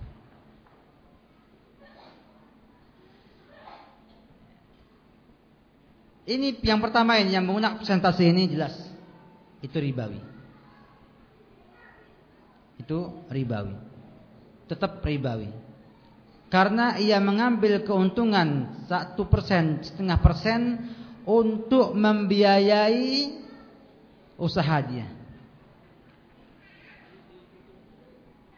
Tetap mengambil manfaat daripada hutang-hutang tersebut. Bagaimana bila dia itu hanya mengambil misalnya 10 ribu mau minjamnya sejuta ya 10 ribu minjam 10 juta juga 10 ribu minjam 1 M juga 10 ribu kalau ada ya kalau kita katakan ini juga masih termasuk mengambil keuntungan ya. dari utang piutang maka masuk umuman kullu qardin jara manfaat huwa fahuwa riba. Apa solusinya? Solusinya adalah menanamkan kepada muslim akhlak Islam yang mulia yaitu suka membalas budi orang yang berbuat baik kepadanya. Sehingga dipinjamkan dan dia akan membayar lebih tanpa disuruh. Yang dinamakan dalam bahasa syariatnya adalah husnul qadha. Husnul qadha. Orang berhutang membayarnya itu lunas hutangnya plus dikasih uang sama aja tambahannya. Tanpa ada kesepakatan sebelumnya. Seperti orang desa, antum pinjamkan uang tanpa tambahan, jangan ngasih uangnya Pak, tak kembalikan uangnya. Ini ada oleh Pak, pisang satu tandan. Nah, buatlah kaum muslimin seperti itu semuanya. Insya Allah orang gampang ngutangkan uang. Sekarang ini subhanallah ada yang mengatakan seorang pengusaha ngomong sama saya. Pak Ustadz, saya kalau memutus hubungan dengan orang gampang Pak Ustadz. Pinjemi uang nanti putus hubungannya. Apa maksudnya? Ini keadaan kaum muslim sekarang ini. Ya. Jadi kata dia, kalau saya sudah mau nggak suka sama orang ini, dia butuh saya kasih uang 10 juta, 20 juta utang. Yakin set, sepekan nggak kelihatan lagi, terus sampai setahun nggak kelihatan ini. Makanya sekarang banyak keluhan, Ustadz, banyak SMS, banyak juga ini. Saya pinjem uang nggak dapat dapat, dan saya mepet, boleh nggak saya pinjam ke bank konvensional yang ribawi? Kata saya, tidak boleh. Mepet tidak boleh. Karena kamu buat gara-gara kalau pinjam nggak membayar. Sehingga orang nggak mau utangkan uangnya lagi pada yang lain-lainnya. Tapi seandainya ya Khanfullah, kalau saya ngasih antum uang utang, antum nambah tanpa saya suruh saya senang. Akhirnya saya pun mau utangkan kembali uang saya. Dan gitu. Tapi kalau kemudian antum diutangi temponya jatuh, lari, ditelepon, HP-nya dimatikan, di SMS nggak dijawab. Kata dia, lah kapok, jangan kedua kali saya utang sama orang lain. Seperti kita ketahui, hampir tidak ada perusahaan yang tidak mengandung riba dalam modalnya. Nah, jawabannya, apakah sudah meneliti semuanya sampai punya kesempatan? Hampir tidak ada perusahaan yang tidak mengandung riba dalam modalnya. Jangan-jangan salah. Lalu bagaimana status karyawannya? Karyawannya statusnya ya karyawan Enggak. Uangnya ya halal. Uangnya halal. Karena ia tidak mengusahakan riba. Saya sampai pada antum kaidah. Mudah-mudahan dengan ini bisa menjawab banyak pertanyaan. Bar harta yang haram ada dua. Ada yang haram karena barangnya. Haram lidatihi seperti uang curian. Antum curi uang, uang ini haram terus. Pindah ke orang lain tetap haram. Pindah ke lain tetap haram. Sampai antum kembalikan uangnya ke pemilik pemiliknya. Maka ini tidak boleh dimanfaatkan sama sekali. Wajib kembali ke mana? Pemiliknya. Sebab itu itu barang uang itu milik siapa? Milik pemiliknya dan pemiliknya nggak ridho untuk di dikeluarkan oleh kita. Yang kedua, kalau demikian, ya enggak. Yang kedua adalah harta yang haram karena kasut, karena usahanya. Karena usahanya. Maka yang diharamkan menggunakannya adalah yang mengusahakannya. Yang mengusahakannya. Misalnya, perusahaan tersebut mengambil modal modal dari ribawi maka pemiliknya pemiliknya tidak boleh mengambil apa keuntungan tersebut. Siapa pemiliknya? Komisaris. Komisaris. Sehingga keuntungan daripada ribawi tersebut tetap tidak boleh bagi komisaris tersebut mengambilnya. Namun bagi yang lainnya, direksi, direktur sampai ke tukang sapu, apa hukumnya? Dia tidak mengusahakan riba. Maka dia diperbolehkan untuk memakan gaji yang diberikan tersebut. Sama juga dengan pegawai negeri. Ya Isunya katanya sebagiannya uang riba. Mungkin. Kita katakan enggak bahwa harta yang tetap halal karena ia tidak mengusahakan riba tersebut. Maka muncul pertanyaan sebagian ikhwah, Ustaz kalau gitu boleh Ustaz kalau kita gunakan untuk membantu bapak saya. Sayang duit Ustaz. Bunganya ada 200 juta Ustaz. Masa dibuang-buang? Gimana kalau untuk anak hajinya bapak saya? Kan orang lain Ustaz, bukan bukan yang usahakan uh, riba. Kata kita dia termasuk tidak boleh karena ia adalah tanggung jawabnya sang anak. Kata Rasulullah, "Inna malaka li abik." Harta kamu itu harta bapak kamu. Jadi sangat durhaka kalau ada anak bapaknya kelaparan, anaknya makannya di hotel, di rumah makan, dosa. Hmm. Karena inna malaka li abi. Harta kamu harta bapak kamu juga. Sehingga orang tua itu kalau tidak mampu tanggung jawab anak. Kalau dia punya hutang dan mati yang nanggung siapa? Anaknya nanggung adalah anaknya. Dan demikian cukup jelas ya bahwa karyawan ya, walaupun modal perusahaannya ada modal ribawinya tetap apa tetap apa namanya uh, gajinya itu halal. Seorang berhutang kepada saya, lalu orang itu pergi entah ke mana. Ini yang jadi masalah ini. Ya. Saya coba ikhlaskan dan maafkan orang tersebut dan berdoa semoga Allah memberi rahmat kepadanya.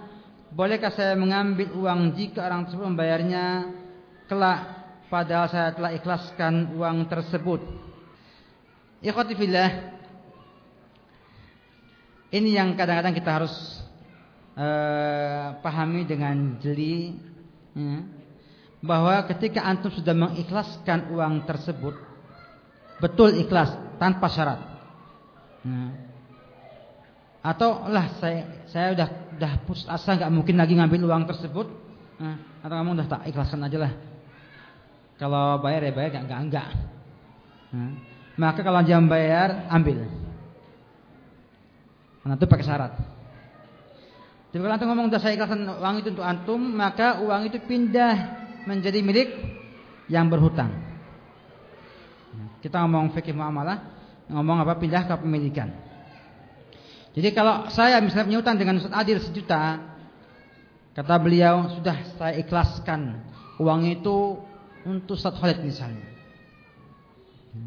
Saya dengar, tidak dengar, nah, pindah status uangnya dari hutang menjadi apa? Milik. Menjadi apa? Milik. Nah, kalau jadi milik, kira-kira saya bayarkan kepada antum hutang tersebut, bagaimana? Antum hibahkan uang tersebut. Antum hibahkan uang tersebut kepada yang berhutang. Hmm. Kalau antum ambil lagi uang tersebut, itu seperti orang yang hmm, meludah ngambil lagi ludahnya. Jadi jangan diterima. Ngomong saya udah ikhlas sama kamu, ambil. Tapi kata hati antum sayang stat uangnya set. Demikian hukumnya. Apa hukumnya asuransi dan bagaimana para pegawainya apakah mereka memperoleh penghasilan yang halal? Jawabannya kan asuransi beragam banyak. Namun sepakat Majma' Fikih Islami di yang ikut pada Alam Islami di Jeddah dalam muktamarnya mengatakan bahwa asuransi konvensional itu diharamkan. Diharamkannya bukan karena riba. Tapi karena ada gharar. Ada gharar. Hmm. Artinya ada perjudian di sana. Yang masuk itu kalau nggak untung ya buntung. Artinya kalau aja kecelakaan untung dia. Namun siapa yang mau celaka? Siapa yang mau celaka. Gak ada yang mau celaka. Hmm. Hmm. Yang kedua, kalau dia nggak celaka, maka hilang uangnya. Hilang uang. Ini namanya asuransi konvensional dan ini diharamkan oleh para ulama rahimahullah taala. Karena haram, maka pegawainya sebaiknya mencari penghasilan yang lainnya saja. Ustaz barakallahu fik. Apa hukumnya dua orang yang bekerja sama usaha toko baju dengan kesepakatan pemodal 40% dan 50% pengelola? Yang sepuluhnya? Untuk Ustaz. Iya, usaha Pemodal 40%, pengawal 50%. Sisa apa? 10%. Itu siapa? Rajihang. Nah, bagus juga lah untuk Rajihang 10% daripada keuntungan, Masya Allah. Di tengah jalan, modal mengatakan kepada pengelola, berilah saya keuntungan 300 ribu per bulan. Anggap saja sebagai uang sewa dari usaha toko kita ini. Ini kasus agak sedikit lucu. Yang pertama katanya adalah usaha dengan mudharabah. Dengan apa? Mudharabah, investasi. Si A punya uang modali usaha tok buka usaha toko baju. Si B yang ngelola. Si B dapatkan 50%, si A dapatkan 40%. Mungkin 10 itu dakwah mungkin atau yang lainnya. Kemudian tengah jalan pemodal ya, butuh uang mungkin merubah akadnya. Nah, merubah akadnya dengan apa? Dengan sewa toko, sewa usaha. Kok bisa? Ya. Ketika usaha pertama bersama-sama, ya, berkembang bersama-sama, untung bersama-sama, rugi bersama-sama.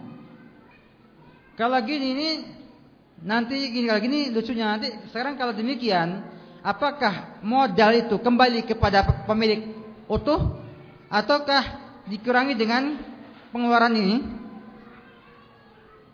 Ini masalah.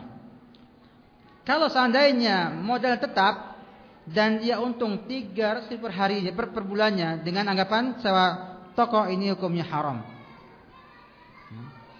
Ini hukumnya apa? Haram ya karena dia mengambil keuntungan bukan dari nisbah bagi hasil.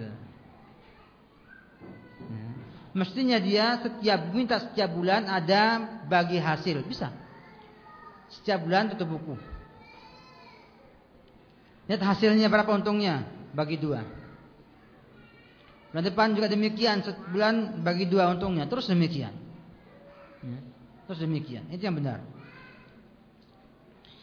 Apakah bentuk asuransi syariat yang dipasarkan di Indonesia memiliki, memiliki kandungan riba yang memiliki nama syariat? Ikhwan filah bahwa asuransi itu diharamkan bukan karena riba. Kecuali kalau mereka menyimpan uangnya di float, di bank-bank. Ya. Karena saya pernah membaca referensi uh, asuransi ya, itu didapatkan mereka menyimpan uangnya di mana? Di Amerika dan lain sebagainya. Ya, dengan bunga. Dengan dibungakan. Ini tetap kena riba. Tapi pada asalnya asuransi diharamkan bukan karena riba. Asuransi diharamkan karena ghararnya.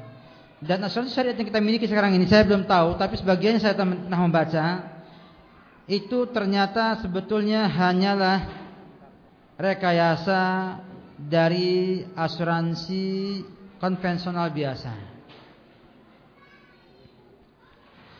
Saya beri pada antum beberapa hal yang saya ketahui dan mohon maaf bagi yang tidak sama asuransinya jangan tersinggung. Ya. Saya nggak mau hukum sesuai dengan apa? Dengan kenyataannya ada yang saya lihat.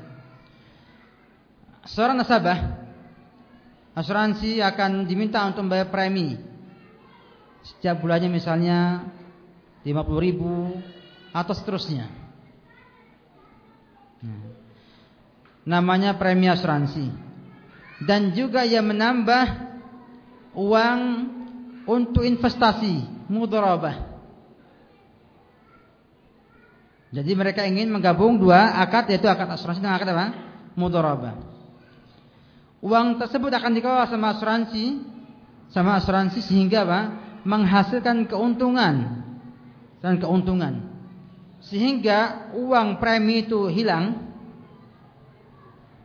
uang premi itu hilang diambil oleh asuransi tapi diganti dengan keuntungan mudharabah tadi. Sehingga orang yang asuransi tidak merasa rugi. Sebab ia dapatkan ganti daripada usaha mudharabah tersebut. Ini yang saya tahu di asuransi yang namanya takaful atau yang sejenisnya atau prudential kalau ada ya? Pun demikian. Kita katakan bahwa pada asalnya kita melihat pada hakikatnya bukan kepada bentuk luarnya atau lafadznya kita lihat sini uang yang untuk asuransi hilang atau enggak hilang hilang Kenapa hilang kata dia kan ini kan akad tabarru. Masa nyumbang kok diambil lagi uangnya? Kita katakan Pak, namanya akad tabaruk itu bukan demikian. Kalau akad tabar utang piutang itu akadnya apa? Tabaruk. Kalau gitu jadi ambil lagi dong uang utang itu. Maksudnya tidak mengambil keuntungan dari sana. Sehingga mereka harusnya setiap tahun itu tutup buku, dilihat sisanya, kemudian dibagikan kepada seluruh anggotanya sesuai dengan jumlah uang yang masuk ke perusahaan tersebut. Ini namanya asuransi ta'awun yang uh, pernah disampaikan oleh para ulama rahimahullah dan saya punya uh, tulisan di www.pengusahamuslim.com yang tentang perbedaan antara apa asuransi ta'awun dengan asuransi konvensional. Saat ini saya sudah terjebak dalam riba sudah lima tahun. Apa yang harus saya lakukan? Mohon nasihatnya. Nasihatnya lunasi hutangnya segera. Lunasi hutangnya segera sampai lunas. Kalau bisa dua hari dua hari lunasi. Kalau nggak mampu sepekan baru bisa sepekan lunasi. Kalau mampunya sebulan sebulan pun lunasi. Pokoknya semampunya melunasi hal tersebut. Fattakullaha masata'tum. Ada lagi contoh lainnya ikhwan. Kata pertanyaan di sini, jika kita membeli sebuah barang yang harganya sejuta, tapi jika mencicil kita membayar 150 per bulan selama 10 bulan, bagaimana hukumnya Ustaz? Kita lihat sini khanfilah. Kembali kepada akad yang dimilikinya. Ada harga barang sejumlah sejuta umumnya. Kalau kontan, kalau cash kontan. Dan kita ingin menyicilnya lebih namanya kredit ini dibolehkan insyaallah taala. Sebagaimana fatwanya Majma' Fikih Islami dan juga banyak ulama di Saudi yang membolehkannya. Dan bin Bas juga Syekh Muslim juga membolehkannya. Hmm. Walaupun Syekh Albani mengharamkan hal tersebut. Namun bila sudah jelas akadnya itu membeli hak barang harga satu juta, membayar lebih karena ngutang, kena riba. Beda ya? Bedakan. Ya. Bedakan yang pertama akadnya itu memang harganya 1,5 juta. Kalau dia itu kredit. Kalau kontan sejuta. Pilih mana? Pilih mana? A apa B? Maka enggak mas. Yang kedua enggak. Akadnya itu membayar sejuta namun karena dicicil menjadi 1,5 5 juta menunjukkan bahwa awal itu adalah akadnya akad apa? Hutang yutang. Saya beli dengan hutang, bayar nyicil. Jadi hampir hampir mendekati namun hukumnya apa? berbeda. Ustaz saya ingin kerja untuk memenuhi kebutuhan yang pas-pasan karena suami belum mendapat pekerjaan. Saya masuk kerja melalui penyalur dengan membayar 400 ribu yang katanya untuk biaya administrasi. Bolehkah cara yang seperti ini? Yang pertama ya filah. Ya. Sang suami wajib menafkahi istrinya. Dan bila belum punya pekerjaan maka bekerja. Apa pun juga bentuknya kerja harus. Ya. Enggak boleh laki-lakinya di rumah begini saja. Walaupun harus nyapu jalanan. Ya. Walaupun harus ya, jadi pemulung sampah. Tetap harus kerja. Ya. Ingat laki-laki punya tanggung jawab. Ya, kewajiban menafkahi keluarganya. Maka jangan dikira kalau suami itu tidak punya pekerjaan itu kemudian lepas tanggung jawabnya tidak. Tetap bekerja. Hmm. Dan kerja itu tidak harus di kantor. Hmm. Banyak pekerjaan. Hmm. Banyak pekerjaan yang dilakukan sama dia. Bisa dibayangkan orang yang tidak punya pendidikan saja bisa menjadi raja miskin. Walah, raja kok miskin? Hmm. Iya. Rajanya tukang pemulung sampah. Ya. Mobilnya Mercedes-Benz. Antum yang di kantor kerjaannya paling populer kijang Avanza atau Innova. Sana sampah yang dikelola sama dia bisa beli Mercedes Benz, hmm? Serena dan lain-lainnya. Rumahnya megah, ke rumah. Hmm. Jangan dikira hal nggak uh, jual sampah itu? Halal, cuman kerja rendahan.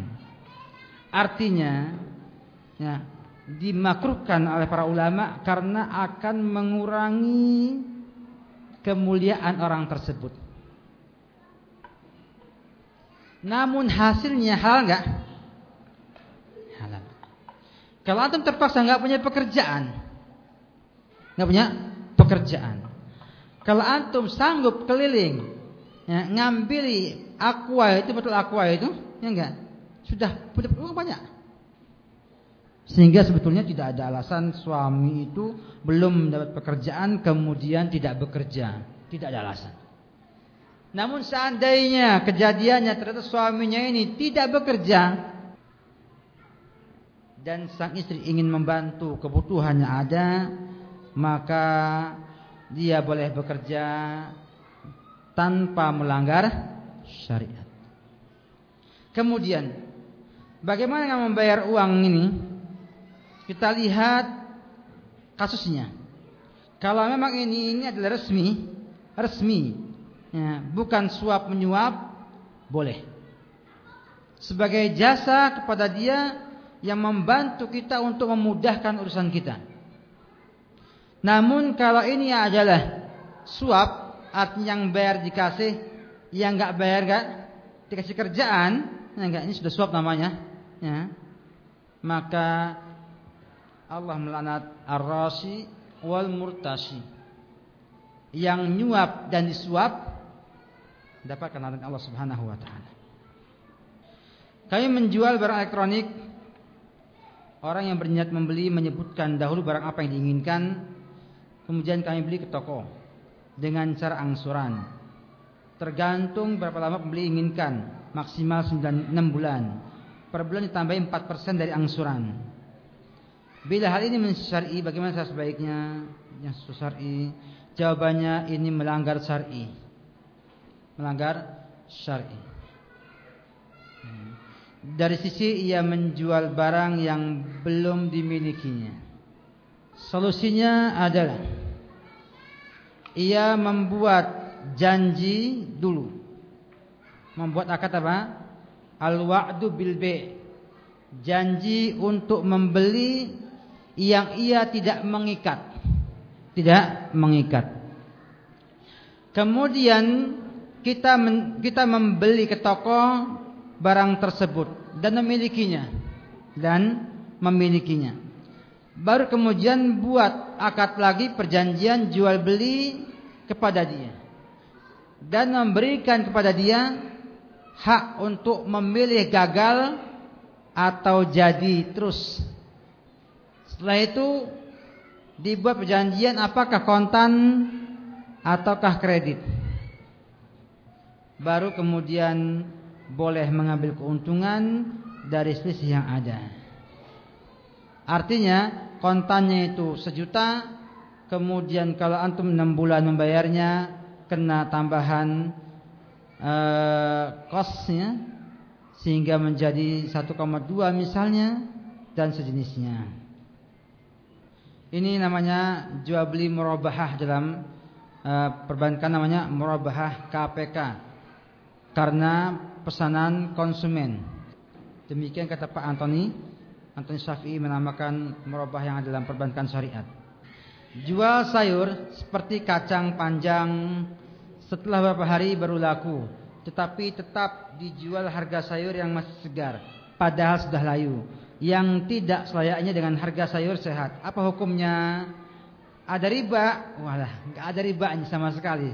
Sayuran bukan barang apa? ribawi. Ya. Kacang bukan apa? Yang kedua ya Hanfilah antum boleh menjualnya semau antum. Mau harganya harga masih segar atau tidak karena yang beli tahu ketika beli gak segar. Dan ketika dia mau bayar dengan harga yang yang segar, apa apa susahnya, apa salahnya? Enggak ada salahnya. Boleh. Ya. Kenapa? Karena di sana ada taradi, saling apa? Saling suka sama suka yang kedua, tidak ada yang disembunyikan. Dia lihat kacang panjangnya emang sudah layu, tidak segar seperti hari yang pertama. Tahu dia mesti. Ya. Kecuali kalau antum jual sama orang buta. Ya. Harus dijelaskan sama orang buta, Pak, maaf Pak ya gitu. Ini barangnya sudah agak layu. Apa mau nggak harga sekian? Katanya nggak apa, selesai. Nah, karena dia tahu barangnya mah agak layu. Ustaz orang tua saya sudah meninggal dulu sewaktu masih hidup sering melakukan praktek riba dengan bank. Bagaimana jika orang tua saya melakukan muamalahnya dalam tidak paham akan hakikat riba, bahaya dan hukumnya? Berdosa ke orang tua saya? Kalau memang kalian tidak tahu, karena tidak tahu maka orang yang tidak tahu itu dimaafkan Allah Subhanahu wa taala. Kalau memang tahu itu ribawi, ya. Dan mudah-mudahan dimaafkan Allah Subhanahu wa taala. Bagaimana hukumnya dalam jual beli untungnya berlipat ganda? Jawabannya boleh dengan syarat tidak ada kebohongan di sana. Artinya, ya, kalau antum jual sama orang yang belum paham harga, yang semestinya Ya. Maka nanti kena namanya khiyar giben. Khiyar. Ya. Yaitu khiyar hak pilih untuk menggagalkan jual beli karena merasa dibohongi lantaran tidak tahu harga. Tapi misalnya kalau antum misalnya memberitahu harganya seperti misalnya antum jualan majalah pengusaha muslim misalnya harganya 20 ribu tetapi di Irian Jaya misalnya. Antum jual 30 ribu. Boleh enggak? Orang tahu harganya bang 10 20 ribu ada harganya sana. Ada harganya 20 ribu. Dan dia mau beli 30 ribu boleh. Ya. Antum misalnya punya apa yang sini khas di Batam? Di apa yang khas Batam ini? Jual pabriknya. Ya. Misalnya orang tahu kita punya harga buku, ya. ada harganya 20 ribu. Kemudian antum ingin jual lebih mahal. Karena orang itu butuh buku tersebut. Boleh enggak? Boleh. Dan tidak ada batasan berapa persen keuntungan tersebut. Bisa dua lipat, tiga kali lipat karena kebutuhan meningkatkan nilai barang tersebut dengan syarat dia tidak bodoh dengan harga aslinya. Kalau dia bodoh dengan harga aslinya, didapatkan kemahalan, maka dia bisa mengembalikan barangnya, ngambil uang dari antum lagi. Namanya khiyar ghabah. Ini insya akan saya bahas pada majelis sunnah pada isinya akan datang. Saya lagi membahas rangkaian khiyar. Pertama khiyar majlis, khiyar syarat, khiyar uh, aib, ya. Nanti akan bahas khiyar al-riban di majalah As-Sunnah, ya. Yang dari Solo. Jadi pada asalnya boleh mengambil keuntungan berlipat ganda dengan syarat pembelinya tahu ini sebetulnya harganya di bawah itu. Cuman dia butuh boleh. Seperti misalnya antum jual barang-barang antik, ya, Orang mungkin tahu harganya paling segini di, di Indonesia, tapi antum ada yang suka bisa lebih mah, mahal lagi. Kalau dulu di Solo namanya bunga uh, apa namanya? kokeri ya. Atau gelombang cinta. Gelombang cinta yang bisa mencapai 1 M harganya. Hmm. Boleh. Padahal dia belinya paling cuma 10 juta. Hmm. laku bisa sampai ratusan juta waktu itu. Kata kita boleh. Hmm? Bo, boleh. Tapi kalau kemudian antum membohongi orang dengan harga demikian mahalnya, maka antum kenapa? Khiar al-riban tadi. Yang sahih kan pula antum kalau ingin mendapatkan barokah, maka ingatlah dengan sabda Nabi sallallahu alaihi wasallam rahimallahu mar'an samhan idza ba'a samhan idza ishtara. Semoga Allah merahmati orang yang gampang kalau membeli, gampang kalau menjual dan gampang kalau membeli. Ustaz, bolehkah dalam jual beli jenis barang? Bolehkah dalam jual beli satu jenis barang dijual dalam dua harga? Contohnya, jual gula kalau beli sekilo harganya 10 ribu lebih lah, ya. 10.500 sekarang ya. Hmm. Tapi kalau setengah kilo 5.500 hmm. Karena dengan memperhitungkan biaya plastiknya yang tentunya bila sedikit dijual penjual mengeluarkan biaya plastiknya mohon penjelasan. Jawabannya Khanfulah sebaiknya tidak menambah mahal yang setengah kilo. Karena nanti insya Allah antum dapatkan bila mudah dalam menjual, mudah dalam membeli, antum punya pelanggan dan akan hidup antum keuntungannya sedikit tapi jalan terus. Walaupun secara hukum syariat dibolehkan antum menjual separohnya dengan harga lebih mahal daripada separuh harga sekilo tersebut. Walaupun alasan plastik tidak masuk akal. Hmm. Dengan bukti kita kalau beli gula sekilo dikasih juga plastik kresek dan gak nambah harga sama sekali. Sehingga alasan menambah harga dengan ngitung biaya plastiknya ini tidak benar adanya. Tapi kalau ingin menaikkan untung lebih banyak boleh. Bagaimana hukumnya menggadaikan emas di kantor pegadaian? Sudah habis di waktunya. Ya? Ini terakhir insyaallah taala. Hmm. Yang sekarang banyak dilakukan oleh ibu-ibu yang terkadang membutuhkan uang dengan cepat. Biasanya emas ditaksir, kemudian emas digadaikan, ibu-ibu membawa uang tersebut. Gadai khanfillah hukumnya boleh. Menggadaikan emas juga hukumnya boleh.